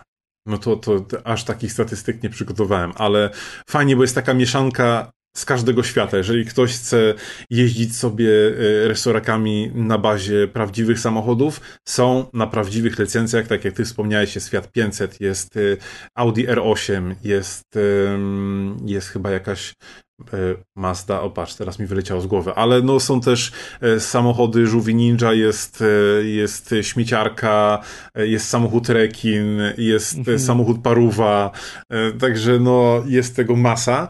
I jeszcze do tego, jakby tego było mało, resoraki można sobie dowolnie malować.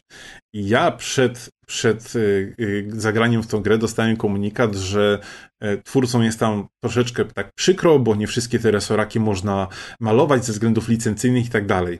Szczerze mówiąc, nie znalazłem ani jednego resoraka, którego nie mógłbym pomalować, bo myślałem, że tam jak będzie jakiś na przykład ten samochód paruwa, że to jest jakaś mhm. licencja na bazie czegoś i ja nie będę mógł pomalować swojego na swój sposób. Nie, paruwa mogła być różowa i wyglądała jak nie powiem co. na pewno nie jak hot dog e, i można było sobie dowolnie pomalować. I to malowanie też jest fajnie rozbudowane, bo można tam chyba na każdego resoraka tysiąc warstw nałożyć, oh, wybrać wow. sobie e, jaki chcemy lakier i to nie tylko, że jaki kolor lakieru, ale też rodzaj lakieru, czy to ma być brokatowy, matowy, metaliczny i to jest tyle z tym zabawy. I ja znalazłem tyle już fajnych projektów. Znalazłem też jedną swastykę, którą musiałem zgłosić, także w ogóle szacun, że ktoś poświęcił swój czas, e, żeby narysować w Hot Wheelsach na resoraku swastykę. Absolutnie dzisiaj go, nie ma, dzisiaj go nie ma na nagraniu akurat, nie? nie, nie ma nagrania. Wow.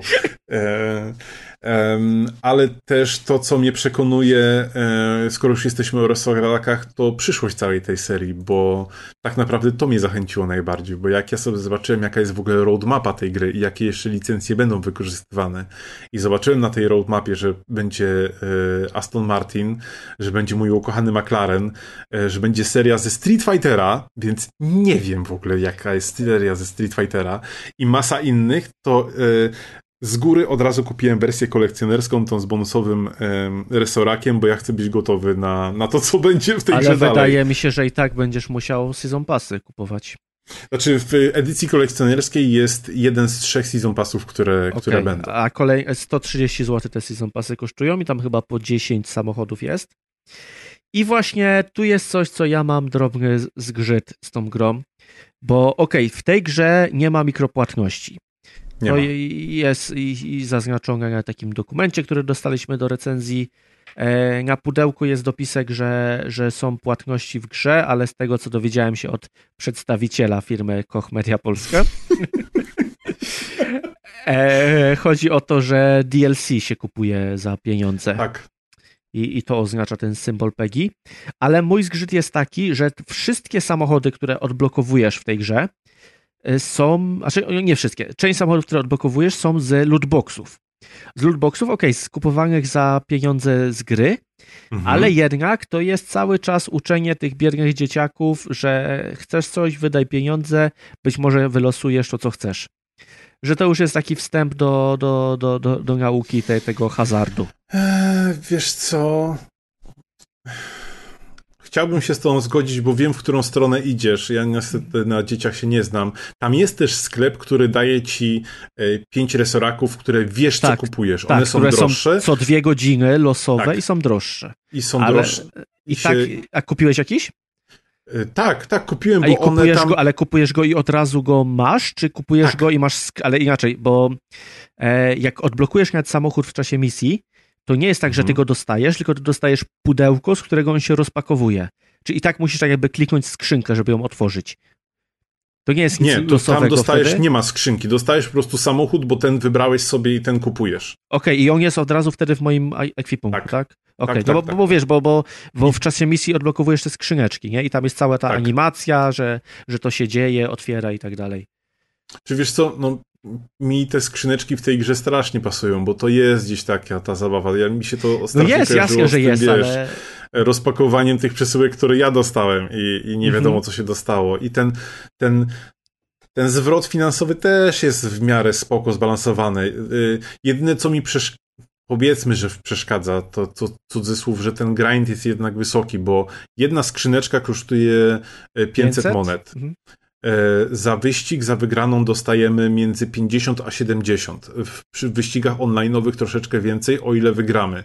E, więc no, trzeba się troszeczkę pościgać, żeby na taką jedną skrzynkę uzbierać. E, co prawda dostajemy bonusowe skrzynki za niektóre wyścigi, które są w tym trybie, nazwijmy to fabularnym, no, ale ten tryb fabularny w pewnym momencie się kończy. Dla mnie się Mhm. już skończył.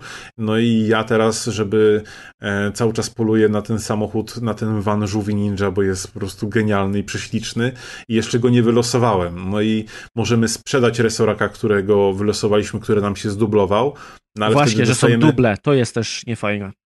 ale wtedy dostajemy za niego 300, ale też trafiają się w tych skrzyneczkach e, samochody te z najwyższej, e, nazwijmy to wyższej półki, no je na przykład możesz sprzedać za 1000, więc no jakiś tam balans jest, po prostu e, ten, ten, e, te, te ceny, nazwijmy to, te wewnętrzne w, w grze zostały raczej ustawione po to, żeby, e, żeby jednak kusiło cię, żebyś kupił te płatne DLC albo żebyś wracał do tej gry na, na dłużej, więc myślę, że to jest taki długofalowy plan, bo jak to by było wszystko tańsze, no to to by byłaby gra na 20 godzin i być może już nikt by do niej nie wrócił. No tak, znaczy, że, żeby jasność, nie chodzi mi o samo to, że, że tam się odblokowuje te samochody w ten sposób, tylko o sposób podania. No ja rozumiem, że to jest powiązane z Hot Wheelsami i że je faktycznie wyciągasz z pudełka, ale jednak wiemy, jaka jest branża gier i wiemy, że, Wiem. że to są lootboxy i Ja że tego to jest, absolutnie nie bronię. to jest uczenie tych dzieciaków e, lootboxów. Ale żeby nie było tak kolorowo, to jest jedna rzecz, która mi się nie podoba w tej grze. Przed premierą strasznie się chwalili tym, że będzie można mieć swój własny pokój w tej grze. I faktycznie to jest. I ten pokój jest w pełni wymodelowany w 3D i możemy sobie zmieniać w nim meble, kolory mebli. Jak jest kuchnia, to można zmienić kolor blatu, szafek, tego, co jest w gablotce, tego gdzieś, co na, na biurku stoi, jakie gadżety, jakie pierdoły i tak dalej. I ten nasz pokój jest jednym ze środowisk, w którym odbywają się wyścigi. I okej, okay, to jest fajne, że jak jadę w wyścig w e, kampanii e, tej e, dla jednego gracza lub w stworzonej przez, przeze mnie trasie do trybu multiplayer, to są te meble i te kolorki, które ja ustawiłem, ale na miłość boską, dlaczego nikt nie pomyślał o tym, że skoro mamy w pełni wymodelowany pokój, na który wydajemy też kasę zdobywaną w tej grze, gdzie możemy zmienić te wszystkie rzeczy, żebyśmy mogli się po nim swobodnie przejść, poustawiać sobie resoraki, poustawiać sobie jakieś, nie wiem, żeby te resoraki mogły się zderzać ze sobą, wiesz, jakieś sobie Wiesz, dzieciaki są kreatywne i mhm. E, one by nie musiały mieć tego edytora tras, żeby tam się dobrze bawić, bo myślę, że równie wielką frajdę by miały zrzucając po prostu te resoraki wirtualne z wirtualnego biurka, które sobie same pomalowały. I to jest tak gigantycznie niewykorzystany potencjał yy, i stracona okazja, że ja naprawdę byłem w szoku, bo nawet w tym pokoju jest specjalna gablota, która wypełnia się pucharami, które zdobywamy w trybie kampanii. Ale podczas wyścigu tego nie zauważymy, bo te wyścigi są naprawdę tak szybkie, że możemy ewentualnie zobaczyć, o, to jest kuchnia, którą pomalowałem i faktycznie jest żółty blat, a widzę to tylko dlatego, że wyleciałem z trasy i muszę zrestartować cały wyścig. No ja niestety odpaliłem ten mój pokój, zobaczyłem co to jest i uznałem, o, no, wychodzę. nie, nie potrzebuję tego do niczego. Fajnie, że jest, nigdy więcej nie zajrzę. Tak samo no. zresztą edytor tras. Też rozumiem po co jest i fajnie, że jest, ale też to nie jest moja rzecz. Chociaż A ludzie tworzą pojęcie takie pokręcone trasy fajne. Czuję, że, że ta gra to może być coś, co do, do czego wskoczą ludzie z e, Trackmanii. Nie wiem, czy grałeś kiedyś w jakąś Trackmanie. Ja wiem, że to jest trochę bardziej skillowa gra Trackmania. Chyba nie. Znaczy inaczej, wyobrażam sobie, że gracze, którzy grają zawodowo, nazwijmy to w Trackmanie, w, y, grają w Hot Wheelsa dla odprężenia się. Tak jak na przykład ja lubię gry motoryzacyjne, a dla odprężenia gram sobie w Bass Simulatora. Mhm. E, bo dalej to jest gra, że tak powiem, związana z motoryzacją, ale służy do zupełnie czego innego. Znaczy tak, tak, że nie było, że to jeden do jeden ta sama gra. Po prostu mam takie wrażenie, że, że Hot Wheelsy są e, trackmanią taką dla dzieci, powiedzmy, też nie umniejszając tej grze, no bo tak jak mówisz, ona nie jest grą dla dzieci, ale taką uproszczoną trackmanią. To tak, to w tym jestem w stanie się z Tobą zgodzić. Natomiast mój, moje wewnętrzne dziecko, biorąc sumarycznie, co z tą grą można zrobić, że wiesz, że mogę mieć resoraka, którego mogę sobie dowolnie pomalować i później sobie jeździć, a w trybie multiplayer y, y, y, praktycznie widzę, że wszyscy jeżdżą resorakami, które sami pomalowali, więc, e, więc to jest mega fajne.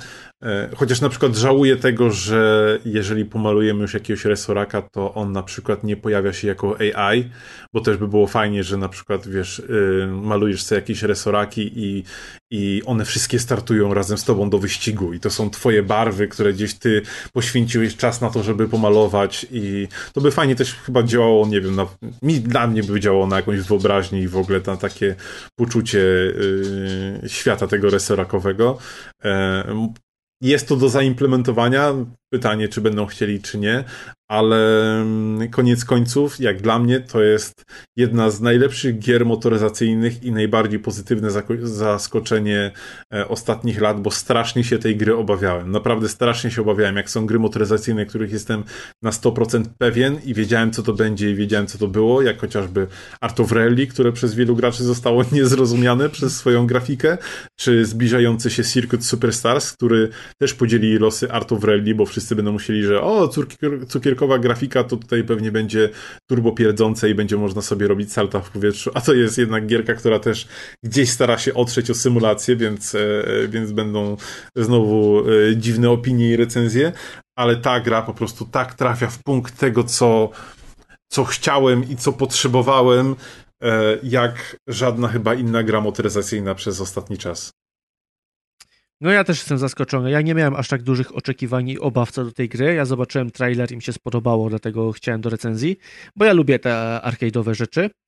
i jestem pozytywnie zaskoczony, jak w to się przyjemnie gra. Ja w tę grę gram tak, że odpalam sobie podcast, odpalam tę grę i po prostu jeżdżę. To mhm. super się do tego sprawdza, bo okej, okay, jestem trochę skupiony na grze, ale potrafię wpaść w takie flow, że ja po prostu wiem, jak mam jechać, że ja sobie tak. tutaj wskoczę w tego drifta to i... jest super. I wtedy suniesz. I właśnie jak wtedy jeszcze te widoczki się staną, o Jezu, ale to jest piękne wtedy. No. Wtedy mogę nawet jeździć, robić te czasówki i próbować. Bo, bo coś, co, jaki miałem na początku zarzut, to jest taki, że nie do końca podoba mi się kolejność tras. To znaczy, kilka razy było tak, że najpierw miałem do przejechania czasówkę, a później na tej samej trasie miałem do przejechania normalny wyścig. Co jest powinno być na odwrót. Powinno być na odwrót, dokładnie, bo ja już się znudziłem jeżdżąc po tej trasie na czasówce i ten wyścig to już jest takie mhm. a, już a wyścig chcę. powinien cię nauczyć trasy, tak. a, a czasówka powinna być po prostu takim masteringiem Do tego, co się nauczyć podczas tego. wyścigu. Dokładnie tak. To te, tak. Też, się, też się zgodzę i e, tak samo jak uważam, że te um, środowiska, bo nie wiem jak to nazwać, też są troszeczkę nie, nierówne, bo na przykład jest ten neonowy garaż, który ma tak przepiękną grę świateł, I ten, e, o którym ty mówiłeś, który dzieje się na placu budowy, gdzie nagle są zakręty i widać po prostu drapacze chmur na dole. I to są dwie moje ulubione środowiska. I troszeczkę przyznam, że te pozostałe tam chyba trzy, wliczając ten nasz pokój, wypadają blado przy tym, jak pięknie wyglądają te dwa. I, mhm. i zawsze największy uśmiech miałem, jak mówię, o teraz będzie wyścig na budowie, to jest to, bo będą i fajne widoki, to pewnie zrobię sobie jeszcze jakieś zdjęcie, albo przy tym neonowym, bo te światła neonowe w tym garażu garażu się tak genialnie odbijają. Jak przejeżdżasz pomiędzy tymi fioletowymi, zielonymi światłami, to robi jednak mega wielką robotę. No ja domyślam się, że, że u ciebie na nowym Xboxie to w ogóle wygląda jeszcze ładniej, bo, bo ja gram na prosiaku. E, też nie wiem, czy to kwestia przedpremierowej wersji gry, ale zdarzały mi się przycinki, takie jedno-dwusekundowe w czasie wyścigu ale mówię, nie grałem jeszcze po, po, po premierze, więc nie wiem jak, jak tutaj. I ważna rzecz, ta gra nie jest za pełną cenę. Mhm. Ona jest na PSN za 209 zł, a w pudełku można ją kupić dużo taniej, chyba 160. Więc e, no spoko, to jest dobra cena za, za taką grę, bo to jest naprawdę porządny produkt. I jeżeli też zastanawiacie się, czy dzieciaki sobie poradzą, to wydaje mi się, że jeżeli dzieciaki grają w gry, to, to sobie poradzą, że będą mieli trudniej, ale jednak będą się cieszyć z, z, z tych wyścigów, że to są te, te samochodziki, które być może mają w kolekcji, mhm. że jeżdżą po tych trasach, które widzieli w reklamach, więc to, to, to raczej będą zadowoleni. Ja tylko szybko dopowiem, że w takiej, nazwijmy to pełnej cenie, bo w okolicach 250 zł to jest ta właśnie edycja kolekcjonerska, czyli z tym resorakiem, który e, jest, e, jest znany miłośnikiem, bo to jest ten Bone Shaker z, z 2005 roku, tylko że on w tej edycji limitowanej jest w specjalnym malowaniu, które teoretycznie ma nigdy już nie być dostępne poza tą edycją e, gry. Jest bardzo ładny steelbook, jest właśnie kodzik na, na ten na ten pierwszy zestaw e, DLC, który się pojawi. E, I, I co tam jeszcze jest? I jest taki plakat, ale on jest taki. Ja nie przepadam za plakatami, bo ja strasznie nie lubię tych łączeń, takich, nie lubię zginalnych plakatów. tak, ale, tak. ale oddałem plakat Ani, powiedziała, że znajdzie jakiegoś, jakieś dziecko, które na pewno będzie zadowolone z plakatu, także gdzieś mam nadzieję na jakąś ścianę trafi zadowolonego dzieciaka. Także e, moim zdaniem ten, ten zestaw e, przy tej cenie 250 zł jest jak na content, który dostajemy, to jest naprawdę bardzo fajne. Prawda. Nie spodziewałem się, że będzie taka dobra gra, a, a dostaliśmy małą perełkę. Mhm. Wydaje mi się, że to będzie taka gra, o której za, za parę lat będziecie wspominać. A pamiętam, że graliśmy w Hot Wheelsy. No, to była dobra gra. Powiem ci tak, gdyby ta gra oferowała split screen dla czterech osób z podziałem na, na, na czterech graczy, to ja myślę, że e, miałbym z nią takie same wspomnienia, jak teraz wspominamy na przykład Mario Karta. Bo to jest taka gra, przy której naprawdę można się bardzo fajnie e, bawić i jeżeli tylko e, spotka się jakichś właśnie znajomych, którzy by gdzieś na, na kanapie, tak jak się kiedyś za moich czasów grało, to, to by to fajnie można było też powspominać. To prawda. Eee, co, lecimy sobie teraz do kolejnej gry. Polecimy po kolei, a po prostu jak któraś nie będzie spoko, to ją wywalamy. Dobrze. E, Lost Judgment. Lost Judgment, gra, która mnie oszukała, która jest wredna, bezczelna. E, ja mam strasznego focha na to i e, cieszę się, że pozwoliłeś mi o tym mówić i że nie ma nikogo innego, bo mogę sobie pomarudzić po swojemu. Proszę bardzo. Mm, w Lost Judgment chciałem zagrać koniecznie, ponieważ obiecali mi, że w tej grze będą psy. Na każdym materiale, jaki widziałem, mówili detektyw pies, teraz będzie dużo psów, psy, różne rasy, dokupiłem nawet przed premierą specjalne DLC, które sprawiło, że tych psów miało być więcej, że miałem, mógł sobie wybierać je kolory i w ogóle i wszystkie inne rzeczy. No ale żeby nie tracić, to chciałem zagrać w pierwszą część. Więc chorobliwie tyle, ile mogłem, grałem w pierwszą część, a jak wiadomo, e, Judgment jest od ludzi, którzy zrobili serię Yakuza i tam e, to, to są gry na co najmniej 40 godzin a ja jeszcze jestem na tyle nienormalnym człowiekiem, że nie potrafię przejść obok e, tych pobocznych wszystkich questów, tylko muszę je zrobić. Plus w Jakuzie one są na tyle zabawne, że aż chce się w nich grać. Więc grałem na tych streamach w tego Judgmenta. E, nawet jak wyjechałem do, do rodziny, to na ogrodzie wystawiałem stanowisko. Jeżeli ktoś na moje streamy zaglądał, to widział, bo była kamera po prostu w ogrodzie na, na, na trawę ustawiona, a ja siedziałem i, i grałem w tego Judgmenta. No i w końcu udało mi się przejść, yy, skończyć pierwszą część chyba na dwa czy trzy dni przed oficjalną premierą. Yy, odpalam tego Lost Judgmenta. Raz, że ekran tytułowy powitał mnie kotem, yy, ale to ok, jestem w stanie prze, przeżyć, bo taka jest tam wzruszająca scenka, że pada deszcz i ten główny bohater patrzy na kotka, a kotek patrzy na niego i w zależności w jakie opcje wyjdziemy w tym menu głównym, to on z kotem robi jakieś inne rzeczy. W sensie, nie, nie, nie, nie, spokojnie. Nie takie. E, po prostu albo patrzę na tego kota, albo jest zbliżenie na kota, albo tam, tam różne takie ogólnie ładne rzeczy. I teraz tak. Obecnie mam w Judgmencie już 15 godzin przegrane, czyli ponad jedną czwartą tego, co miałem w, w pierwszym judgmencie, bo w pierwszy judgment skończyłem chyba z licznikiem 40 godzin, jeżeli się nie mylę. E, fakt robi dużo questów pobocznych, bo je po prostu lubię w tej serii, ale przez te 14 godzin nie widziałem ani jednego psa. Znaczy, przepraszam, tam w tej grze jest taki wewnętrzny Twitter, nie chcę za dużo spoilować, e, bo może ktoś będzie chciał wrócić do tej serii. I faktycznie jeden z użytkowników miał psa na ikonce. Ja przypominam, kupiłem grę na, w preorderze za pełną cenę, dokupiłem DLC, żeby mieć więcej psów, grałem w grę 15 godzin, a nikt nawet nie wspomniał o żadnym psie w tej grze. Um, I Michał, którego bardzo serdecznie pozdrawiam, e, cały czas mi pisze e, w prywatnej wiadomości: Słuchaj, ja wiem, kiedy będzie ten pies. Ja bym ci powiedział, ale nie chcę ci psuć zabawy. Ja mówię, ty, taki, owaki, człowieku, 15 godzin i um, ponieważ e, ludzie, którzy przychodzą na moje streamy, e, strasznie mi się podoba, jak ja się irytuję, bo szukam tych cały czas psów, mimo to, że robię wszystkie możliwe questy poboczne, a questy poboczne tym razem są są jeszcze dziwniejsze, bo w grze wprowadzili, żeby też dużo nie spoilować, szkołę, więc ogólnie mam wrażenie, że ta gra jest jeszcze bardziej jakuzowa niż część pierwsza.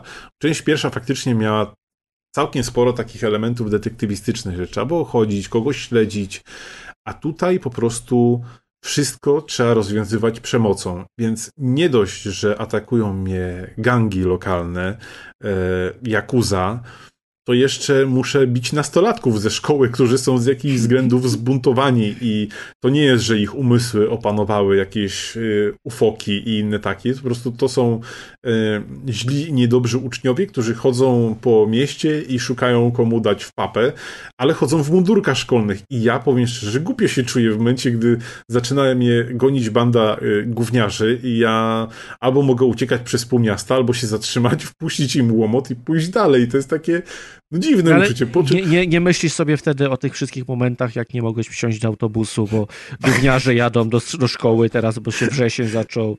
Ale słuchaj, później idziesz do szkoły jesteś pewnego rodzaju nauczycielem w tej szkole i to jest naprawdę takie hmm, ile osób, biorąc pod uwagę jak dużo jest walk w tej grze. Naprawdę myślę, że te, te spotkania z, z przeciwnikami zostały podkręcone co najmniej dwukrotnie, więc ja tych młodziaków to sklepałem już co najmniej kilkadziesiąt i później idę do tej szkoły.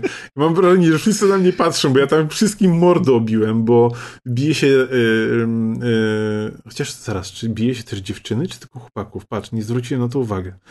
Tam po prostu te animacje tych walk są na tyle fajnie zrobione i ten A powiedz nowy mi, to, styl... to jest walka już taka jakuzowa, czy znowu taka Jakuzowa. Nie, nie, nie, zdecydowanie Jakuzowa, czyli e, teoretycznie powinieneś znać się na bijatykach. Ja się nie znam, więc tutaj chciałbym uspokoić wszystkich graczy, którzy e, boją się, że to będzie za bardzo gra typu Virtua Fighter, bo e, Jakuzy w pewnym momencie były dla mnie na przykład za trudne. Te poprzednie części, bo te walki naprawdę były takie mocno skomplikowane. Tutaj jest dużo ułatwień i sposobów na to, żeby sobie rozgrywkę em, y, uprzyjemnić nie tylko, nie tylko e, samym poziomem trudności, ale są też specjalne napoje, które tam powodują, że jesteśmy silniejsi, albo nasze kombosy są o wiele mocniejsze i tak dalej. E, Dodano też nowy styl walki, styl żurawia, który jest podobno specjalnie zaprojektowany pod tych biednych, nauczy- tych biednych studentów czy tam uczniów, natomiast on jest tak świetnie zanimowany, te animacje są tak płynne, tych przechodzenia tych ciosów, rzucania, miotania, tym, Jezu, mi głupie jest, że ja uczniów w ogóle biję, ale e, ja tym stylem cały czas walczę, więc mi po prostu tak, tak, podpa- tak podpasował. Ale mimo to, że nie ma tych psów i jestem strasznie obrażony przez to, że zostałem oszukany i okłamany, to ilość tych pobocznych misji i rzeczy, które można robić w tej grze, to już e, przychodzi powoli ludzkie pojęcie. Nie wiem na ile to jest spoiler, jeżeli bym wymienił, wymienił, co w ogóle można w tej grze robić, albo inaczej, co, e, e, jakie, jakiego typu minigry ja, ja spotkałem, więc jeżeli ktoś nie chce, to nie wiem, może sobie skipnąć jakieś 30 sekund, a ja tak bardzo szybko wymienię e, za 3, 2, 1. Więc tak, przez te 14 godzin Brałem udział e, w turnieju e, Virtua Fighter, gdzie jest, faktycznie grasz w Virtua Fightera. E, Grał, brałem udział w zawodach tanecznych, gdzie musisz zespół dziewczyn przeprowadzić od, od turnieju lokalnego, szkolnego po narodowy. Jest skatepark razem z trikami i tym wszystkim. Podobno są też wyścigi motocykli, do których ja jeszcze nie dotarłem. Jest oczywiście ściganie się dronami. Jest, jest jeszcze rozwiązywa- są jeszcze rozwiązywanie zagadek takich detektywistycznych z problemami nastolatek. O wow. Jest cały system e, randkowania, do którego ja po tych 15 godzinach jeszcze nie dotarłem, ale jest cały osobno to system, a wiem to z tego względu, że DLC mi to też obiecywało. Ja tak naprawdę chcę te psy cholerne w końcu dostać w tej grze, ani wiesz, tutaj nie, będziesz mógł randkować Może rzeczy w robić. kredytach są. Nie wiem, Adek, ale po prostu w tej grze jest tyle, że ja mam wrażenie, że prawda jest taka, że ja tych psów nie odkryłem dlatego, że ja w ogóle zapomniałem, o czym jest główny wątek. E, I nie wiem, co tam jest, bo ja nawet za bardzo nie chcę go robić, bo tak się wkręciłem chociażby w ten turniej tych tanecznych tych dziewczyn, bo tak strasznie chciałem, żeby one wygrały. No wiem, pamiętam jak mundurki nowe im kupiłeś. Tak, tak, i można mundurki im kupić. I tam, ale wiesz, to nie jest takie, że wchodzisz i masz mini grę i ją odpalasz. O, są też walki robotów. E, odpalasz mini grę i koniec, i gdzie się gra. Nie, tam jest cała, wiesz, otoczka fabularna. Dlaczego one się starają? Dlaczego one chcą wygrać? Jakie mają problemy? Z kim rywalizują? E, jakieś tam, e, dlaczego jakaś tam e, liderka tego zespołu nie przyszła? Trzeba rozwiązać zagadkę, dlaczego nie przyszła. E, może ma jakieś problemy personalne. Później się okazuje, że jakieś są powiązania z mafią i w ogóle wiesz, dzieją się naprawdę dziwne rzeczy. Ale Jeszcze jest... Kowala się spotyka. E, Kowala jeszcze nie spotkałem. Ja, E, nie, Kowal... spotkałeś Kowala, w sensie e, Kowala Kowala z Fakesforge.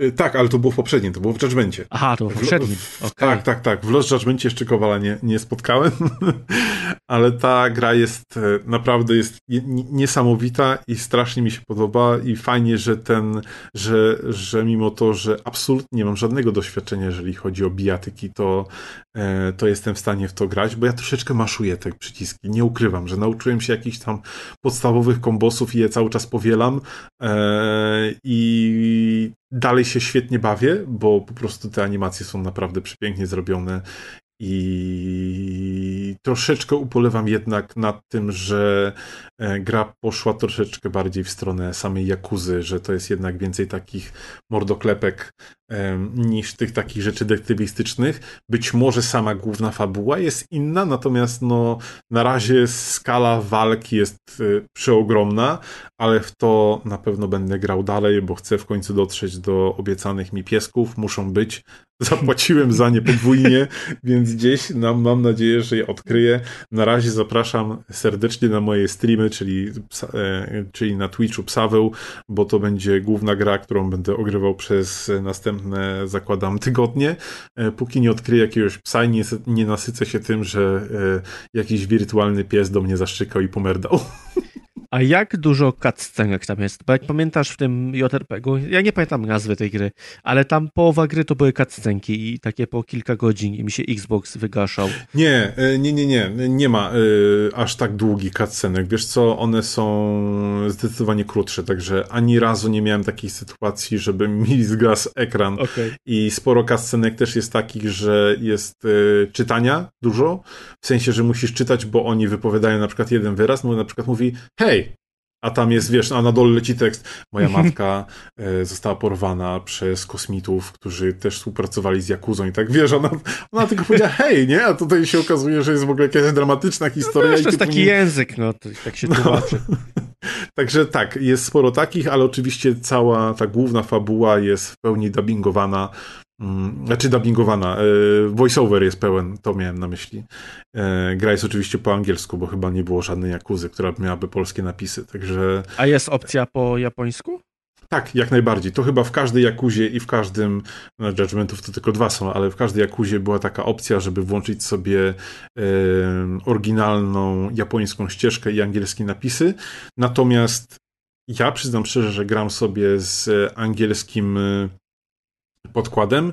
Raz, że uważam, że jest zrobione naprawdę fajnie i na przykład w poprzedniej części e, jeden, jednym z głosów był Matt Mercer, to e, jeżeli ktoś lubi Critical Role albo D&D, to wie dokładnie o, o, kim mówię i się już po prostu przyzwyczaiłem do głosu głównego bohatera, czyli do Jagamiego e, w tej angielskiej wersji i mi to po prostu pasuje i nie rozpraszam się tym, że nie rozumiem, co oni mówią, więc muszę nadrabiać też napisy, przez co też mogę, wiesz, bardziej się skupić na tym, co pokazują, co się dzieje i po prostu tak mhm. przyjemnie mi się gra.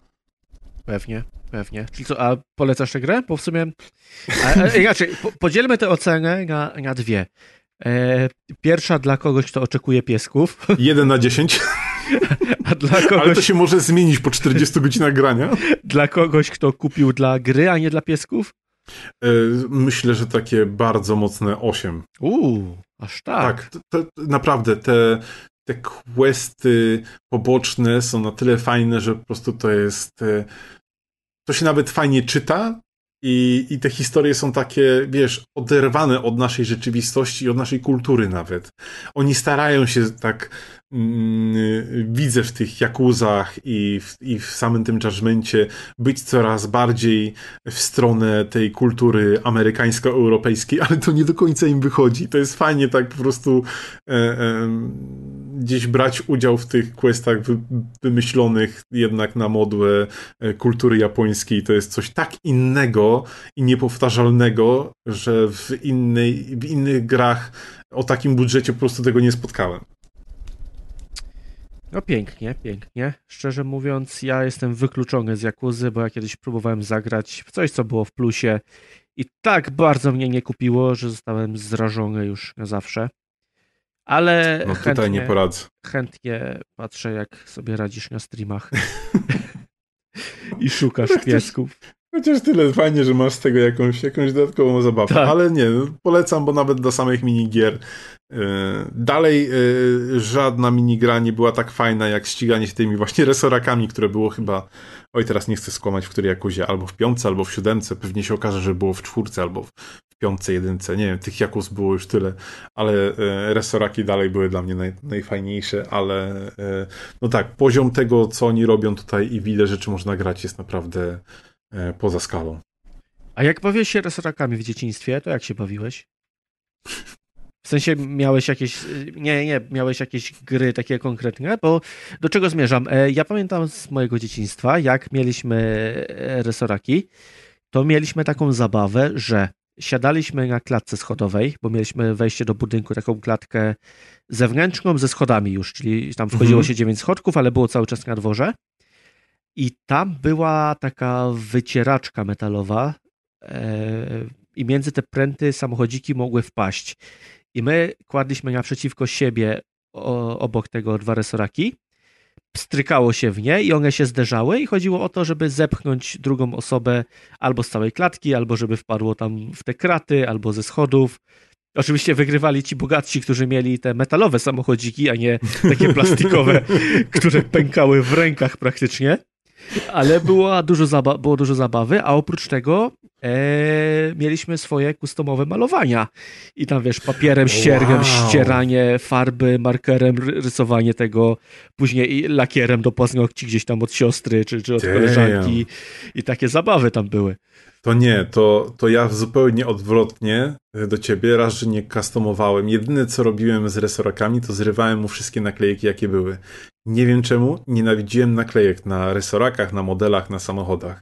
I nawet jak były jakieś zestawy Lego, to, e, to nigdy tych naklejek nie naklejałem, poza tymi takimi, nazwijmy to obowiązkowymi, czyli światła i rzeczy takie, wiesz, Mhm. wyposażenia samego samochodu, ale to, to jest jedna z ulubionych historii, które mój tata lubi opowiadać wszystkim ludzi, który, które pozna, jak mu zbiera się na jakieś historie z mojego dzieciństwa. To jest właśnie jedna to, że zrywałem wszystkie naklejki z resoraków, natomiast naszą główną zabawą było właśnie, mm, mieliśmy dookoła osiedla taki murek, który stał pod blokiem. Nie, że osiedle było ogrodzone i ja żyłem w jakimś... nie, nie, nie, nie, nie, nie taki klimat. To był taki niski murek, który był po prostu dookoła bloku. I, I ten murek był no tak na dobre kilkaset metrów. Po prostu blok był jakoś. On dziwnie był ułożony teraz, jak o tym pomyślał. Był wyżej niż, niż cała reszta i było tam sporo ziemi. I e, ten murek miał też takie w pewnym momencie takie zaokrąglenie, Kraty. które było, które było wycięcie, wycięciem na studzienkę. I tam było zawsze troszeczkę więcej ziemi usypane. I tam robiliśmy swoją bazę, robiliśmy garaże. I po tych murkach się cały czas po prostu jeździło. I to było typu, że wiesz, e, to słuchaj Grzesiek, to ja teraz jadę w delegację, nie? To ja wracam, nie? I po prostu jechałem te 400 metrów tym resorakiem w prawą stronę, wracałem po 20 minutach i się pytałem, co się działo w domu od, od tego czasu. Ale to miałeś cały czas w ręce resoraka, tak? Tak, oczywiście, nie, Okej. no absolutnie. To nie było tak, że jak na przykład już zawijałem za rogiem i nie było mi widać, to ja miałem prawo puścić. Nie no, A nie, nie, sorry, nie, bo- ja jechałem w delegację, no to jechałem w delegację, nie?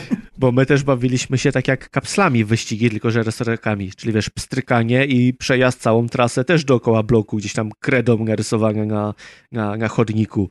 I Czy wiesz, powiem ci, że raz mieliśmy bardzo głupią zabawę i do dzisiaj się niej wstydzę, bo e, pewnego dnia, jak byłem u mojego kolegi, który mieszkał chyba na siódmym czy na ósmym piętrze i przyniosłem do niego nie tylko resoraki, ale też takie większe e, modele i miałem taki model taki metalowy, duży. Do dzisiaj pamiętam, czerwony Dodge Viper e, w skali 1.18 i nie pamiętam, bo nie chcę zwalać na mojego kolegę, jak ktoś na to na pomysł. Ciekawe, co się stanie, gdybyśmy go tak zrzucili z okna. Na szczęście nikogo nie było tam na dole. Ale powiem tak, ten samochód się nie, nie rozerwał, bo wylądował, uderzył w ziemię, w sensie w, w ziemię, w ziemię Mhm. i wbił po prostu Wbił. tak na jedną czwartą w tą ziemię i praktycznie nic mu się nie stało, także kiedyś te modele samochodów to robili naprawdę odporne. To prawda, to prawda. No my mieliśmy klasyczne wsadzanie pod tramwaje i zobaczymy, nie, co się stanie. Takie czy wsadzenie petardy i tak dalej. To, to, Tak, to nie i było tak źle. Śląsk. Dobrze, przejdziemy sobie do kolejnej zabawy z dzieciństwa, bo e, rower Mechanic Simulator. Czyli Tak, co, czy bo kiedykolwiek naprawiałeś chciałem- rowery? Czy kiedykolwiek chciałeś być rowerem? To jest w ogóle śmieszna troszeczkę historia, bo to jest e, gra, którą wygrałem w konkursie u e, wulgarnego gracza. Pewnie go znacie z Twittera albo z, e, z YouTube'a. Bardzo śmieszny gość, polecam. Em, To był konkurs taki typu, czy ktoś by chciał Rover Mechanic Simulator? Ja mówię, tak, ja bym chciał. I okazało się, że poza mną się chyba trzy osoby zgłosiły i żona wybierała jego na bazie e, tego, kto, który awatar jej penis, się... e. E, Ajajaj. No, nie wszystko, co ci piszę, no. Dobra, to później zróbmy Maciek, ten, tu nie, wytnij. tu wytnij, Maciek, no. Później ja będę musiał się tłumaczyć. Ten, Anka miała urodziny wczoraj, nie? Ajajajajaj. Przepraszam. Nie, nie, to wytniemy, nie? Dobra. Tak, tak, tak. Tak. wracamy, co ja tam mówiłem. No i y, wulgarny gracz, ja tam y, zdecydowanie polecam, zajrzyjcie sobie do niego i on na Twitterze napisał. Jego żona wybierała spośród y, osób, które się zgłosiły y, najładniejszy awatar, a mój awatar był narysowany przez Kiko. E, swoją drogą rysunki polecam, e, ceny od złoty w górę. E, Również polecam. Bardzo fajny robi i padło na mnie, także dzięki Kiko e, zdobyłem grę. No i Rover Mechanic Simulator to wbrew pozorom nie jest gra o, o rowerach, tylko o e, łazikach kosmicznych. Ale na rowerach. Łaziki na rowerach. Tak, i na Marsa musisz najpierw dojechać na rowerze i później dopiero możesz je składać. Ja szczerze ci powiem, nie będę długo opowiadać o tej grze, spokojnie, nikogo tutaj nie będę e, zanudzać, ale myślałem, że to będzie taka typowa popierdółkowa gra z serii e, Mechanic Simulator, która e, jest gdzieś chciałaby być tym słynnym Car Mechanic Simulator, który jest chyba najbardziej zaawansowanym, jeżeli chodzi o tę serię bycia mechanikiem.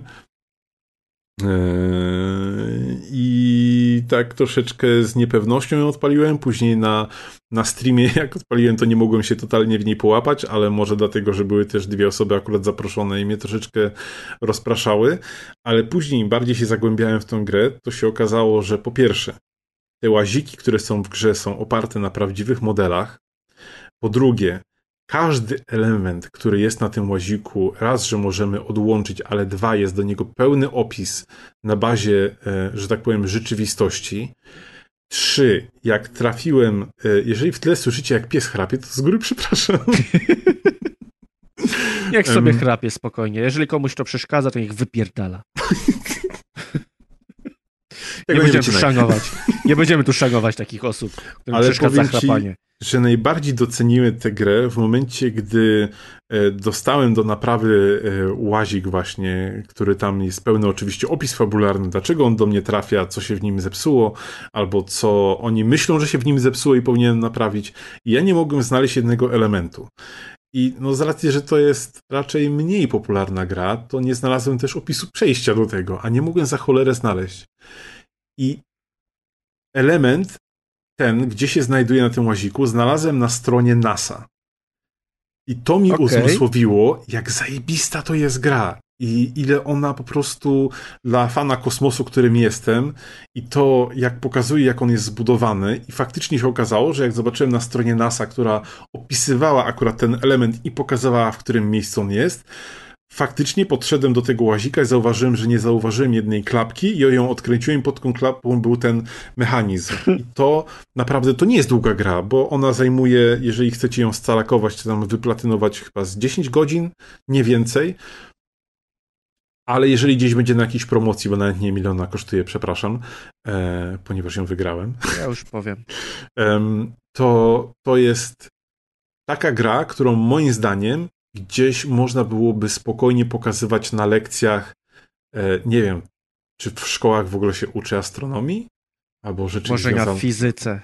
Na fizyce, albo na geografii, nie wiem, Na ale fizyce już. myślę, że spokojnie tą grę by można było pokazywać w szkołach jako taki element, tak jak na przykład w Asasynach, nie? Był ten Mhm, motyw mhm. taki, e, ten tryb historyczny, Tak, to tak, tak, tak. samo tą grę by można było pokazywać właśnie jak jest zbudowany taki łazik, bo teraz jak, jak wiem, jak on jest skonstruowany, e, gdzie znajdują się panele solarne, gdzie się znajdują jego silniki, jak jest zbudowane samo koło, jak jest zbudowany em, procesor, który też można tam te układy scalone naprawiać, spawać i tak dalej, to to jest mega sprawa. Ja naprawdę, to jest tak zachwycająca mała perełka, która mnie tak urodowała i, e, i tak e, mnie zrelaksowała, że naprawdę, jeżeli ktoś nie jest zrażony tym, że będzie miał do odkręcenia setki tysięcy śrubek, to zdecydowanie powinien dać takiej grze szansę, bo to jest taka gra typu Zen, niby o niczym, a jednak można fajnie poznać jakiś część historii kosmosu i tego, jak teraz kosmos odkrywamy, od zupełnie innej strony. No wygląda ciekawie. Sprawdziłem w międzyczasie 44 zł na Steamie. to, to spokojnie to bierzcie. To yy, myślę, że dla fanów kosmosu to jest e, fajne doświadczenie. I wygląda też na wideo na naprawdę solidny produkt. Widzę też jakieś takie mini gry z, z układania jakichś chipów, czy, mhm. czy tam napięcia. Mhm. Więc co Fajne. ciekawe, później, jeżeli to nas zaczyna irytować, to można to pomijać, bo o. E, jak w takich grach e, wykupujemy sobie raz e, ze wzrostem doświadczenia pewne skille i oczywiście odkręcamy szybciej śrubki, pewne minigry możemy pomijać, więc jeżeli ktoś tylko chce sobie podłubać przy tych łazikach, to może się zająć tylko tym i naprawdę, to jest gra na, na 10 godzin, ale to było tak fajne 10 godzin, że nie żałuję ani minuty i gdybym wiedział, że to jest taka fajna gra, ja nawet w ogóle nawet nie wiedziałem, że powstała taka gra, to śmiało te 50 zł bym zainwestował, bo, bo jest tego warta. Fajne, fajne. Znowu nie mój typ gry, ale wygląda. Znaczy, tak jak wspomniałem, no, no gry są dla przegrywu. ale poleciłeś mi dzisiaj Death Stranding i jestem zainteresowany, więc to nie jest tak, że, że nic mnie nie interesuje. A teraz będzie gra, na którą czekam i jestem bardzo ciekaw, jaką masz opinię. Chodzi o Life is Strange True Colors. Tak, kolejna bardzo... gra, która zużywa zasoby ziemi i prowadzi do naszej zagłady i wszyscy umrzemy. Tak, ale lubię akurat tę grę i chcę, żebyśmy A, wszyscy okay. umarli. Wow, okej. Okay. Taki plot twist. Więc jestem ciekaw, co o tej grze powiesz, bo zapomniałem w ogóle, że wyszła a, a mnie interesowała i, i, i, zobaczymy, co, co z tego Lisa wyszło, bo z tego co pamiętam, dwójka nie była jakimś super hitem i, i nie dosięgała jedynce. E, przepraszam, nie dwójka, tylko to, co dwójka. wyszło. Nie, nie chodziło mi o dwójkę. Czy dwójka okay. jest z, z tym, z panami. Z czym? Panami. Nie, dwójka nie jest z tymi dwoma tak, tak, tak, tak, tak, okay. tak, z, z braćmi tymi, tak. Z braćmi, okej, okej, okej, dobra. Słyszałem z banami i tak, wow, co ty, kto ci poleci, na jakim portalu ty odpaliłeś? Dobra, po tych grzybach. Bieszczacka edycja. Life is Strange. Baza ludzi z mgły. Powiem ci, że na bazie twojego życia to byłby naprawdę dobry Life is Strange. E, zacznę troszeczkę od, e, od historii, z racji tego, że podobno to jest istotne. Urodziłem się w 80. No, już, już tyle brudów nie będziemy chyba prać, co na mój temat. Um, bo podobno to jest ważne że do ustalenia, czy ktoś nadaje na tych samych live strange'owych falach. Dla mnie jedynka jest e, e, fantastyczną częścią, uwielbiam ją, tak samo Before the Storm i ogólnie ta, ta historia, która tam była, to jestem nią zafascynowany. Od dwójki, czyli od, od tej historii o dwóch braciach się absolutnie odbiłem. Robiłem do niej cztery podejścia, nie byłem w stanie przejść nawet przez pierwszy chapter, nie wierzyłem w tych bohaterów, nie wierzyłem w tą historię, e, nie byłem w stanie się do tego przekonać. E, dalej jestem gdzieś w połowie Tell Me Why.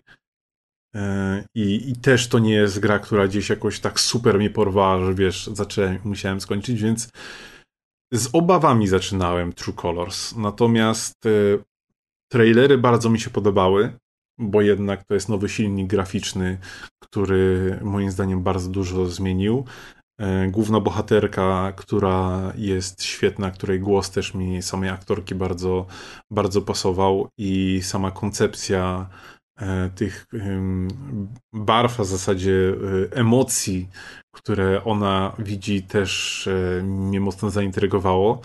Mm, nie będę spoilować, będę mówić bardzo mocno ogólnikami, dlatego też to nie będzie jakaś mega długa recenzja w moim wykonaniu, bo, bo szkoda by było, żebym zepsuł komuś zabawę, bo to jest jednak gra, którą moim zdaniem trzeba przeżyć samemu. To też nie jest gra na pierwszy raz na streama, moim zdaniem osobistym, mimo to, że jest ciekawy, bo ma cały trip dla streamerów, który gdzieś podobno, nie sprawdzałem jeszcze tego trybu, może kiedyś go sprawdzę, który pomaga w podejmowaniu decyzji przez czat. Nie wiem, jak to jest zorganizowane, ale kiedyś będę musiał sprawdzić. Znaczy pewnie za pomocą głosowania. Już graliśmy w takie gry. Łączysz sobie swoje konto Twitchowe z grom i, i poprzez wpisywanie jakiejś komendy na, na czacie to jest Okej. zliczane przez grę i jakieś decyzje są podejmowane. Może jak mnie jeszcze kiedyś zaprosisz, to będę miał jakiś update i powiem, jak to, jak to wyglądało. Okej. Czyli nie. Krót- Jadek, no, Dzisiaj widzę, że na Mówiłem. wszystkich, To jest ostatni odcinek. na wszystkich polach chcesz. Nie, nie, zrobisz kurwa jeszcze jeden specjalny odcinek, chociażby skały srały, nawet jakbym sam miał tu siedzieć, gdy będę gadał o wrestlingu, o psach, o Life is Strange, o, o czym jeszcze miałem gadać? O dodatkach do Hot Wheels Unleashed. Zrobisz po prostu jeden taki odcinek monologowy, wrzucisz go bez montażu, bez niczego, nie będzie intra, nie będzie outra, nic nie będzie, tylko będę ja pierdzielący o swoich problemach. I bardzo dobrze, że zrobiłeś chwilową przerwę w recenzji Life is Strange, bo e, chciałem sobie wygooglać gameplay tej gry, akurat tej części, bo zawsze tak robię, jak ktoś opowiada. Wpisałem Life is Strange i z jakiegoś powodu Google poleciło mi grę Heidi. I sobie kliknąłem i Heidi ma opis na Steamie, a ja w międzyczasie e, wyślę ci na Messengerze, bo nie wiem, czy możesz kliknąć, czy nie możesz. Tak. Tak, nie, e, timestampa. Ale czekaj, nie klikaj. e, opis tej gry na Steamie jest Heidi to gra z gatunku Metroidvania połączona z pierwszoosobowym shooterem z elementami gry platformowej. Kropka. Jest w niej także seksowna bohaterka. Teraz kliknij. To jest gameplay z Heidi 2. O kurwa.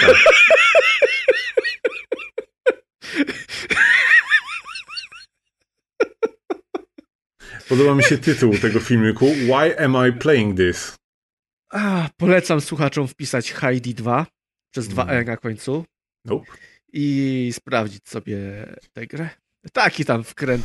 Nie chciałem Wow, ci przerywać ale, tego Life ale is mi wybiłeś mnie w ogóle z rytmu, bo teraz tylko widzę to, co zobaczyłem właśnie. A, a Life is Strange totalnie nie jest o tym. Dlatego nie em. chciałem e, ci przerywać, ale skoro sam zrobiłeś przerwę, no to uznałem, że, że już wcisnę Heidi.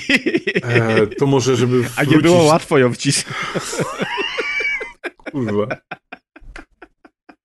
A widziałeś ją od przodu? Nie, nie chcę. Wyłączyłem ten filmik.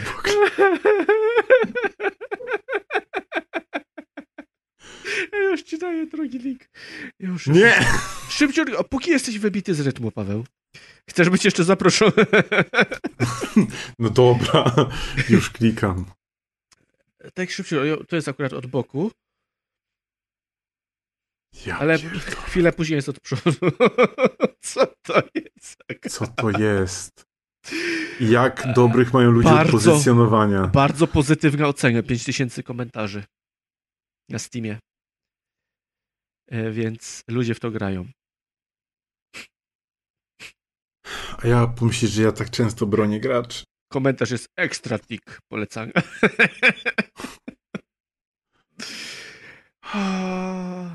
Fajna gra, tylko nie da się grać jedną ręką. O nie. Może pogadamy teraz o jakiejś innej grze, nie o Life is Strange. Tak bardzo nie pasuje. Musisz w to wejść, to jest rozgrywka, to jest ostatni odcinek, więc lecimy w to. Life is Strange, tak? Głębokie problemy, mówisz. Cieszę się, że na rozpisce napisałeś, że to jest pas, bo ja naprawdę teraz już, teraz już pas mam po tym wszystkim. A może chcesz o ostatniej grze z rozpiski? E, nie. Ja już nic. Kong.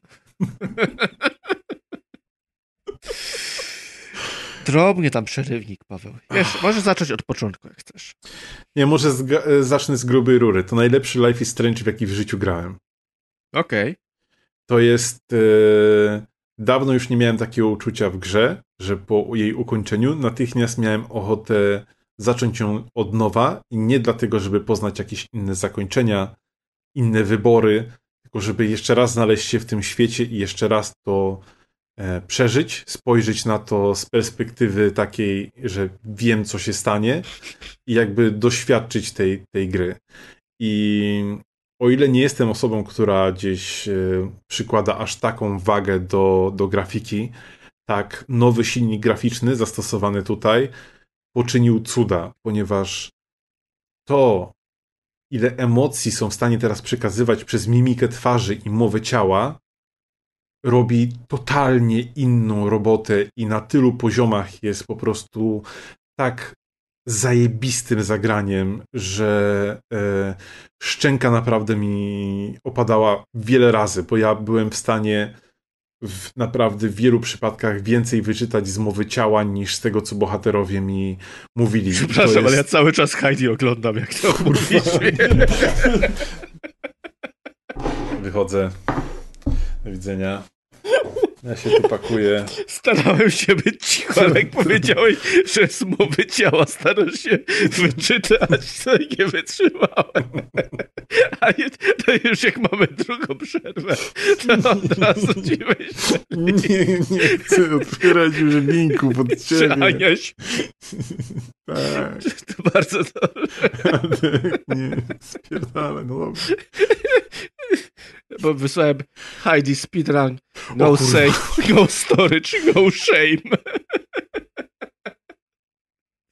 Jezu, ja jeszcze jestem na YouTubie zalogowany. Na swoje konto.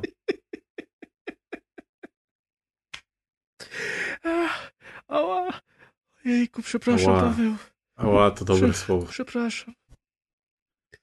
Teraz już rozumiem, dlaczego to jest ostatni odcinek.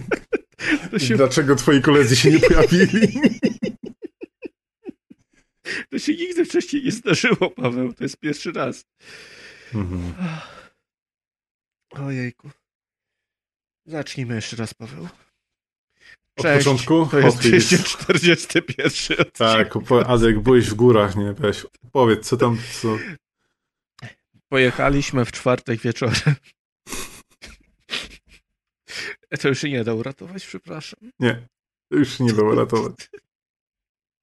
Ale cieszy mnie, że Life is Strange jest taką dobrą grą, bo bardzo chciałbym nią zagrać i chciałem zapytać, na jak dużo godzin jest to gra.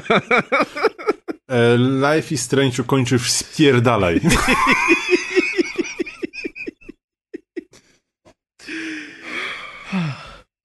Nie no, wdech, wydech, głęboki, Paweł Wdech, wydech, sraka, cycki, wiem. i lecimy. Już nie będzie więcej linków, obiecuję. Wyłączyłem to. Yes. Em, dobra, bo już po prostu i tak już jest zniszczone i teraz ta gra będzie mi się kojarzyła z zupełnie inną grą. I już moja niewinność została pęknięta. Chciałbym tylko jeszcze dodać, że to, co zostało zmienione względem części pierwszej i dlaczego ta część trafiła do mnie bardziej, słyszę, że się kurwa śmiejesz. Nie śmieję się już, oglądam Life is Strange, jest telefon, SMS-ują ze sobą. Isaac, e, Isaac, tyle widzę. Nie ma więcej. Gabe, Ginny. Em, to, co definiowało jedynkę, to były jakby takie życiowe problemy nastolatków i Mhm. to, jak się grało w tą, e, w tą grę, to można było to odnieść do lat swoich młodości i problemów, jakie mieliśmy w latach e, takich typowo młodzieńczych, nastoletnich, szkolnych. Natomiast tutaj, w Life is Strange True Colors, bohaterowie są o wiele starsi i może to nie są nasi rówieśnicy, bo dalej są młodsi, ale problemy, jakich doświadczają i to, co życie im spłatało, to są rzeczy, które jesteśmy tak bardzo mocno w stanie odnieść do naszych własnych przeżyć i bolączek, które napotykamy każdego dnia. E, dawno żadna gra mnie tak nie zniszczyła emocjonalnie. Naprawdę. Ale to ona, ona robi takie coś, że, że wyciąga z ciebie te, te mroczne rzeczy i tam palucha do rangę wsadza i, i grzebie? Wiesz co, wszystko oczywiście zależy od twojej wrażliwości i od tego, co przez życie, co w życiu napotkałeś. Natomiast nie chcę zdradzać, jakie tu problemy są poruszane, e, bo to mogłyby być po części spoilery, ale no, każdy z nas ma jakiś życiowy bagaż i doświadczenie i myślę, że w tej grze każdy coś znajdzie dla siebie. Czyli No generalnie gra- jest się smutniejszym w czasie grania przynajmniej.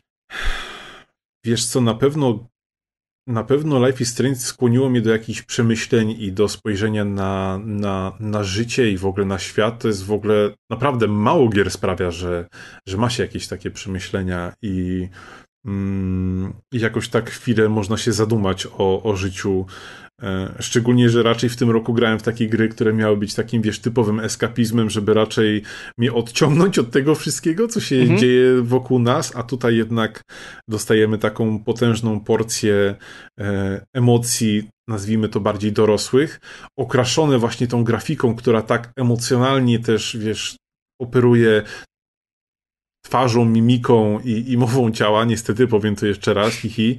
Ehm... Nic nie mówię że strasznie to do mnie trafiło, naprawdę strasznie to do mnie trafiło i e, płakałem na tej grze.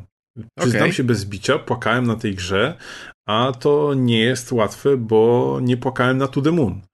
O, e, a właśnie miałem wspomnieć o tej grze, że to jest ta gra, przy której ja płakałem z kolei. No, więc... a, a tutaj naprawdę powyciskało i to nie tylko, że wiesz, zakończenie i ogólnie wzruszenie i tak dalej, bo wszyscy umarli. O, sorry, miałem o tym nie mówić.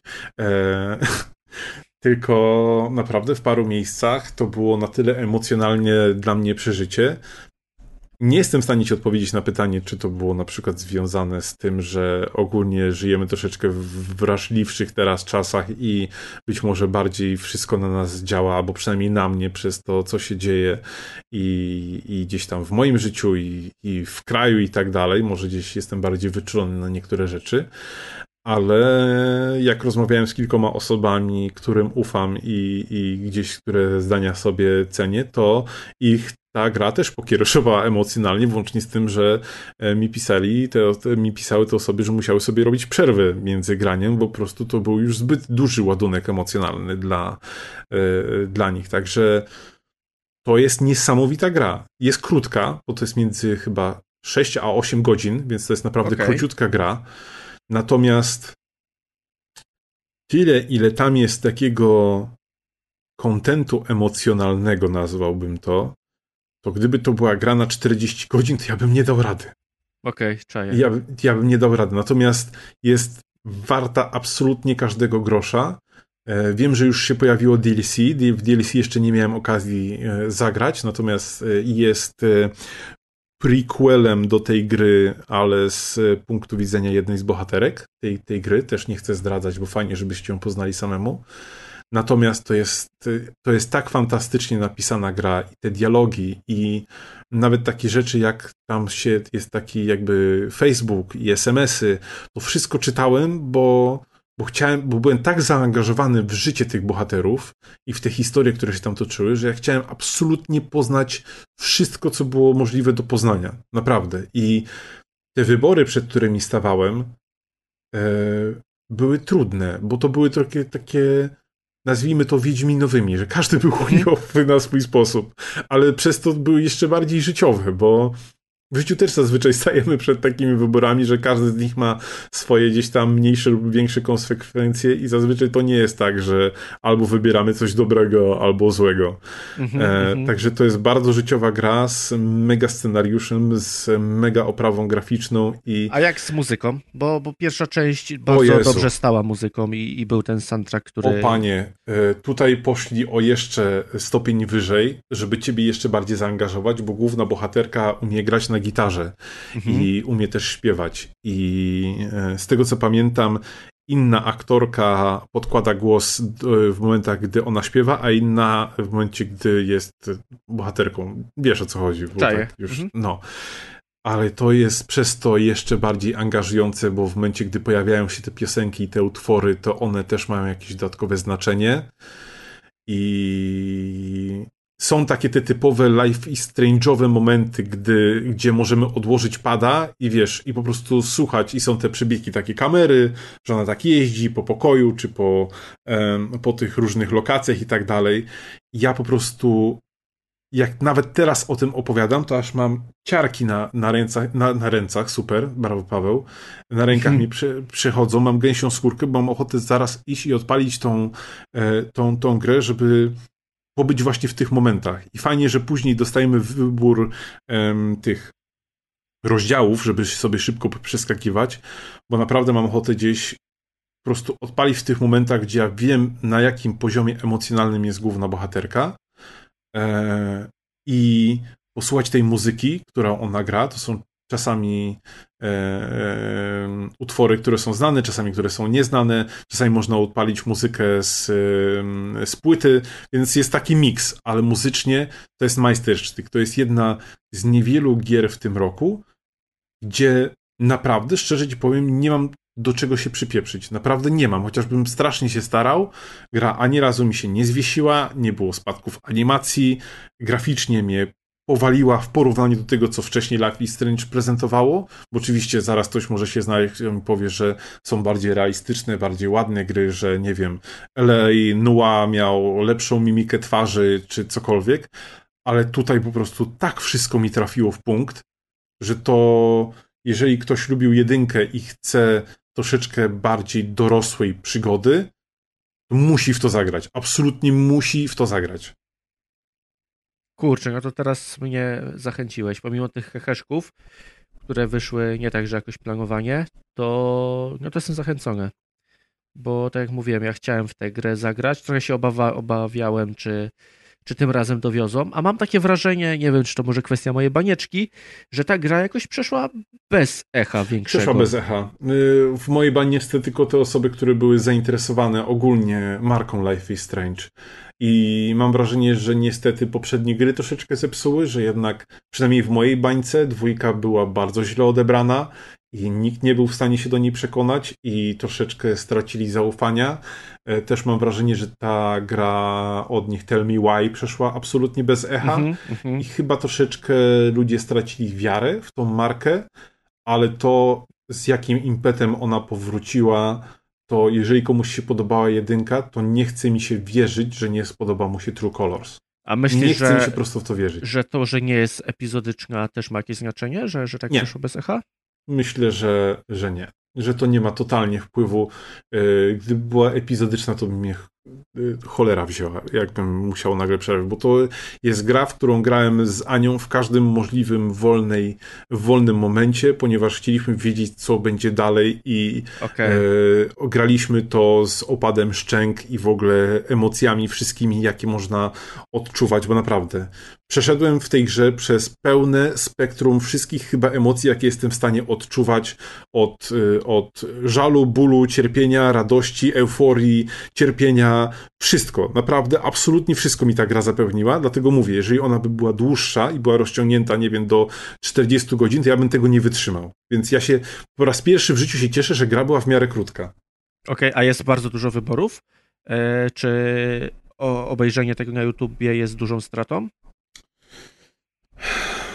Wiesz co, no, czy obejrzenie tej gry na YouTubie e, jest stratą, to byśmy musieli w ogóle zacząć od tego, na ile potrzebujesz, na ile jesteś w stanie zaangażować się emocjonalnie oglądając tylko grę, a nie będąc jakby No powiedzmy, jej... że na poziomie filmu, serialu, no bo jak da się zaangażować? Myślę, że jako film e, równie dobrze by się mocno broniło. Nawet taki film, gdzie, wiesz, klikasz tylko odpowiedzi tak, nie, bo jednak Life is Strange nigdy nie był taką, wiesz stuprocentową grą. Tam nie no ma tak, aż tak ale dużo gry ale jak te, te, te wy, wybory, w, przynajmniej w jedynce, były na tyle e, nie tyle, że ciekawe, co, Tutaj tak samo są ciekawe. W, wymagające przemyślenia i, i faktycznie trzeba było zajrzeć w siebie, żeby, żeby wybrać odpowiedź, tak. że przy jedynce tak. bym się źle czuł oglądając na YouTubie. Dlatego mówię, y, ja strasznie się cieszę, że nie wybrałem tej gry do streamowania jak do, do, do pierwszego przejścia, bo bym mhm. się strasznie z tym źle czuł, y, bo bym strasznie dużo stracił i, i nie mógłbym się tak emocjonalnie zaangażować, więc E, jednak polecam to sobie przejść samemu w domowym zaciszu, a nie o, oglądać jakieś e, czyjeś let's playe z komentarzem, bo można bardzo dużo stracić. Okej, okay. ja jestem zachęcony. Niestety poczekam na promocję, bo, bo jednak 250 zł za, za grę wydaje mi się trochę dużo. Nawet, nawet, znaczy inaczej, Jasne. nie tak, że, że E, że coś umniejszam tej grze, po prostu ogólnie wydaje mi się, że, że to jest za dużo jak na gry i, i jestem zwolennikiem jednak kupowania, poczekania chwilę, bo, bo ta no. historia się nie zepsuje, jeżeli zagram w nią za pół roku. Oczywiście, że nie. Nie zepsuje się nigdy. To jest, e, to będzie tak uniwersalna gra, że nawet jeżeli e, w przyszłości będziemy mieć ultrarealistyczne gry, grali w VR i tak dalej, to do takiej gry będzie można spokojnie wrócić i, i przeżyć ją na nowo to dodam sobie do listy do zagrania aż przyjdzie jakiś mail z, z promocją, bo naprawdę jestem zachęcony. Lubię tę serię. W ogóle nie jestem fanem grania w takie gry, bo w jedynkę bardziej oglądałem, ale z drugą osobą, więc miałem niejako wpływ na, na to, co, co dzieje się w grze. Ale jednak cieszy mnie, że, że gry poruszają też takie momenty, i że, znaczy takie tematy i że potrafią Mhm. poruszyć człowiekiem. Bo to jest zawsze spoko. Nie tylko takie głupie pożeranie popkultury, a jednak też coś wynoszenie z tych gier. Dokładnie. Nie jakieś tam durne strzelanie do zombiaków bezmózgowe, nie? Dokładnie tak. Chyba, że Heidi. Chyba, że World War Z. Tak jest, World War Z. E, grałeś, w grupie grałeś. Tak, grałem w grupie. Y, Tutaj nie. To będzie naprawdę bardzo krótka recenzja z mojego, bo grałem bardzo mało. Natomiast to jest gra, która gdy miała swoją premierę, totalnie przeszła mi gdzieś bez echa. Myślę, że dlatego, że zakładałem, że skoro to jest gra na bazie filmu, chyba? Tak mi się wydaje, przynajmniej. Zaraz się A okaże, film jest, to jest na bazie książki. y, możliwe. Nie, nie będę się w to. Ktoś mi to tłumaczył, ale oczywiście zapomniałem. Znaczy inaczej, na bank jest książka i na bank jest film. Tego A, okej. jesteśmy No to- pewni. No to, no to ja się słucham ciebie. E, pograłem zaledwie kilka godzin. E, troszeczkę pograłem sam i miałem jednego streama, gdzie graliśmy w koopie. Książka jest I- starsza. Przepraszam. Książka jest starsza. No to, 2006, film 2013. no to wszystko tłumaczy. Natomiast ja znałem tylko film, e, więc jakoś pominęła mnie ta gra. E, I byłem naprawdę w dzikim szoku, bo teraz wyszła edycja pudełkowa e, z dopiskiem Aftermath e, i to się chyba po prostu różni tym, że znajdują się tam wszystkie możliwe dodatki, jakie wyszły do tego czasu mm, do, do tej gry. I byłem w dzikim szoku, jaki ta gra ma genialny gunplay. I w, można grać samemu z, z AI, albo można grać w koopie. I to jest jedna z takich gier, która ma fabułę, ale ona jest po prostu, ją można całkowicie pominąć, bo e, e, no jest jakaś tam pierdółkowata. E, chociaż e, jakbym to usłyszał pod, e, e, pod adresem na przykład dywizji, to, to, bym, to bym był zły, Mm, bo dywizja ma fajną fabułę, więc kto wie, być może ta gra ma fajną fabułę, natomiast ten gunplay na tyle mnie przekonał i granie w koopie na tyle mnie przekonało, że szczerze wam polecam e, chociażby sprawdzić, szczególnie, że podstawka dalej jest w Game Passie. I nawet jak sobie ktoś kupi tą edycję teraz tą pudełkową, to dalej może grać z osobami e, z Game Passa, bo to jest po prostu edycja ze wszystkimi dodatkami. To jak tam hektolitrami wylewają się te zombiaki i ile ich się pojawia, jest po prostu e, jakkolwiek źle to nie brzmi, ale w momencie, gdy strzelasz do góry zombiaków, która się układa, po prostu formuje ścianę tylko po to, żeby się dostać pod, e, e, do ciebie, a ty strzelasz taką górę i widzisz latające i fruwające ciała. Jest coś naprawdę relaksującego i sprawiającego dużą satysfakcję. Em, I to robi robotę. Szczególnie, że no, grafika została poprawiona i gra wygląda też zaskakująco dobrze. E, I gra się w to mega przyjemnie. I w zasadzie tylko tyle, co chciałem o tej grze powiedzieć, że jeżeli jeszcze nie jesteście zmęczeni klimatem zombie i macie ochotę na jakąś koopową strzelankę, aha, na przykład, nie wiem, e, Outridersi wam nie dostarczyli, albo tęsknicie za dywizją, bo to taka troszeczkę dywizja z zombiakami, bym powiedział, to warto sprawdzić. Nawet jeżeli nie tą wersję pudełkową, to tą wersję na, e, na Game Passie, bo to jest takie moje małe zaskoczenie w tym roku, bo bawię się naprawdę przednio i chociaż e, troszeczkę się bałem, że troszeczkę się bałem, że będę się bał tej gry, bo ja nie lubię się strasznie bać w grach, e, to tutaj nawet jak graliśmy na streamie z Kiko, który e, podobno boi się gier jeszcze bardziej ode mnie, w co mu osobiście nie wierzę, to mówi, że te zombiaki bardziej go bawiły przez to, jakie tam ilości były i po prostu jak one tam wlatały na lewo i prawo, niż, e, niż straszyły, także to jak Kiko daje okejkę, to znaczy, że możecie w to spokojnie grać i do koopa to jest e, idealna gra. Mi się przypomniało, jak oglądałem twojego streama, że ja kiedyś zagrałem w tę grę ze, z moimi serdecznymi byłymi kolegami z podcastu, którzy nie przychodzą na nagrania. I kurczę, ja aż tak nie, nie, nie kupiłem tej gry. Dla mnie to była dobrze zrobiona, ale taka niczym nie wyróżniająca się strzelanka. Taka kolejny zapychacz do, do postrzelania w koopie, ale nic wyjątkowego. Przy czym ja też nie jestem fanem zombie i zresztą też dlatego teraz razem nie zagraliśmy, bo no ja nie lubię grać w zombie. Okay. I, I, nawet jeżeli są takie, chyba Left 4 Dead jest tylko takim wyjątkiem, że, że tam się dobrze bawiliśmy w ekipie. E, więc ja już na starcie mam minus do, do, do, do takich gier. No i tutaj pograliśmy sobie, ale nie, nie czułem w ogóle radości z tego wszystkiego. Dla mnie to było bardzo puste i bardzo nijakie. I tak jak mówisz o tym fajnym gameplayu, to, to właśnie jestem zaskoczony, bo, bo w ogóle nie, nie odczułem tej zabawy dobrej. Znaczy tutaj największą robotę robią w momencie, gdy te hordy zombie po prostu tak, tak wpadają. Tak, tak. To, to, to, I, I te ściany po prostu tych przeciwników, które ładujesz nieskończone ilości amunicji i to są te takie fajne momenty, które odróżniają troszeczkę tą, tą grę e, od, e, od innych. Natomiast e, też się z drugiej strony z tą zgadzam, że to nie jest w żaden sposób odkrywcza gra, to nie jest jakaś gra, przed którą by padł na kolana i stwierdził, Jezu, to jest najlepsza gra kołopowa, w jaką kiedykolwiek grałem to jest troszeczkę zapychacz, ale z drugiej strony czasami potrzebujemy takich troszeczkę zapychaczy, żeby pograć w jakąś taką bezmózgową grę e, bardziej dla osób, z którymi się gra, niż dla samej gry. Właśnie miałem mówić, że bardzo możliwe, że, że to jest kwestia tego, z kim ty grałeś, mhm. a z kim ja grałem. wow. Teraz będą znowu pretensje do mnie. Ja. A co zrobić? No, Paweł, nie moja wina, że masz lepszych znajomych niż ja. Ja znam ciebie. To prawda. A ja ci dziękuję, że przyjąłeś zaproszenie na dzisiaj. o Artful Escape, który jest kolejną grę, którą ma na liście, podobno opowiadaliście.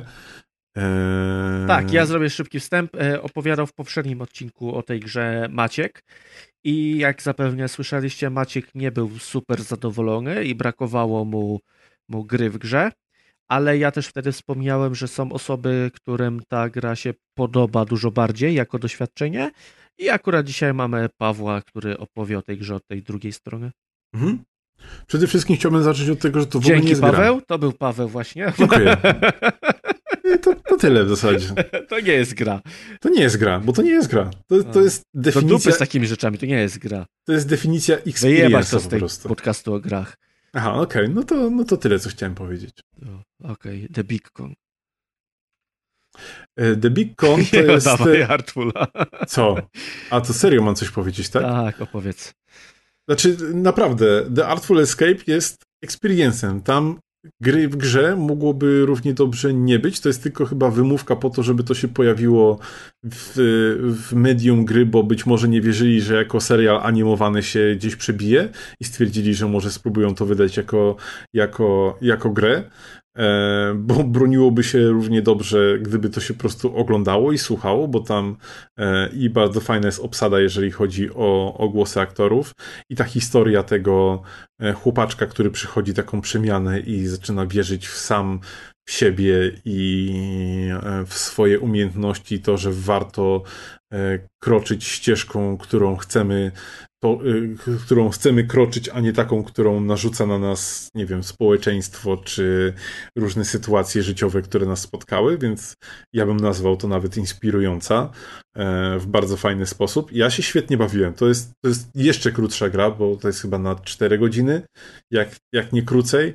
E, I też jeżeli chcemy wycalakować ją, czy wyplatynować, to, to jest bardzo króciutki tytuł.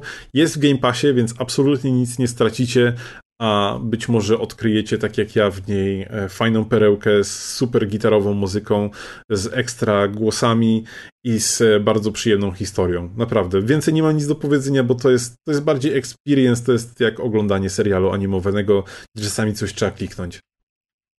Okej. Okay. Ja dalej nie jestem zachęcony, bo ja wiem jak... Znaczy, a to też nie jest, to nie jest twoja wina, Paweł. Ja nie, absolutnie nie. Ja lubię gameplay. Ja jak, wiesz, każdy ma coś, co, co go kupuje w grach, to mnie nie kupuje nigdy story, story, nie kupuje mnie doświadczenie, bardziej kupuje mnie samo granie w grę. No to to nas różni, bo ja jestem taką osobą, która jednak stawia bardziej na ten, na ten experience i to, co gra sobą reprezentuje. Oczywiście gram też w jakieś takie typowe klikadła i też nie stroję takich gier, no bo chociażby Bus Simulator, tak? Kręcę się cały czas Mhm. w autobusie i jeżdżę, ale e, jednak jak gra coś sobą takiego reprezentuje, to dla mnie nie musi mieć aż tak dużo mechanik, żeby mnie czymś urzec i czasami to może być historia, czasami może być to jakaś oprawa nietypowa graficzna. No tutaj po prostu mi to, e, mi to zagrało. A co zagrało ci w The Big Con? The Big Con to jest w ogóle e, mały indyczek, który A w nazwie Totalnie. duży. w nazwie duży i nie chodzi o kutasa. Hu, hu, hu, hu. A chodzi o wielką... Chyba, że teraz mi wkleisz jakiś link do filmiku, gdzie zobaczy prawdziwego The Big Cona. Ostatni O, odcinek. nie musisz Z- być niemiły. Zaczynam w to wierzyć. Nie, wiesz co, y, nie udało mi się jeszcze skończyć The Big Cona, e, ale stwierdziłem, że szybko opowiem, bo może kogoś to za, zainteresuje. To jest taki e, indyczek, który ma bardzo nietypowy styl graficzny, bo wygląda Bardzo jakby ładny. był mm, tak po prostu mm, narysowany ręcznie i, Mhm. i no tak ciekawie prezentowany. Dawno nie grałem w taką grę, która by w taki sposób była zaprezentowana.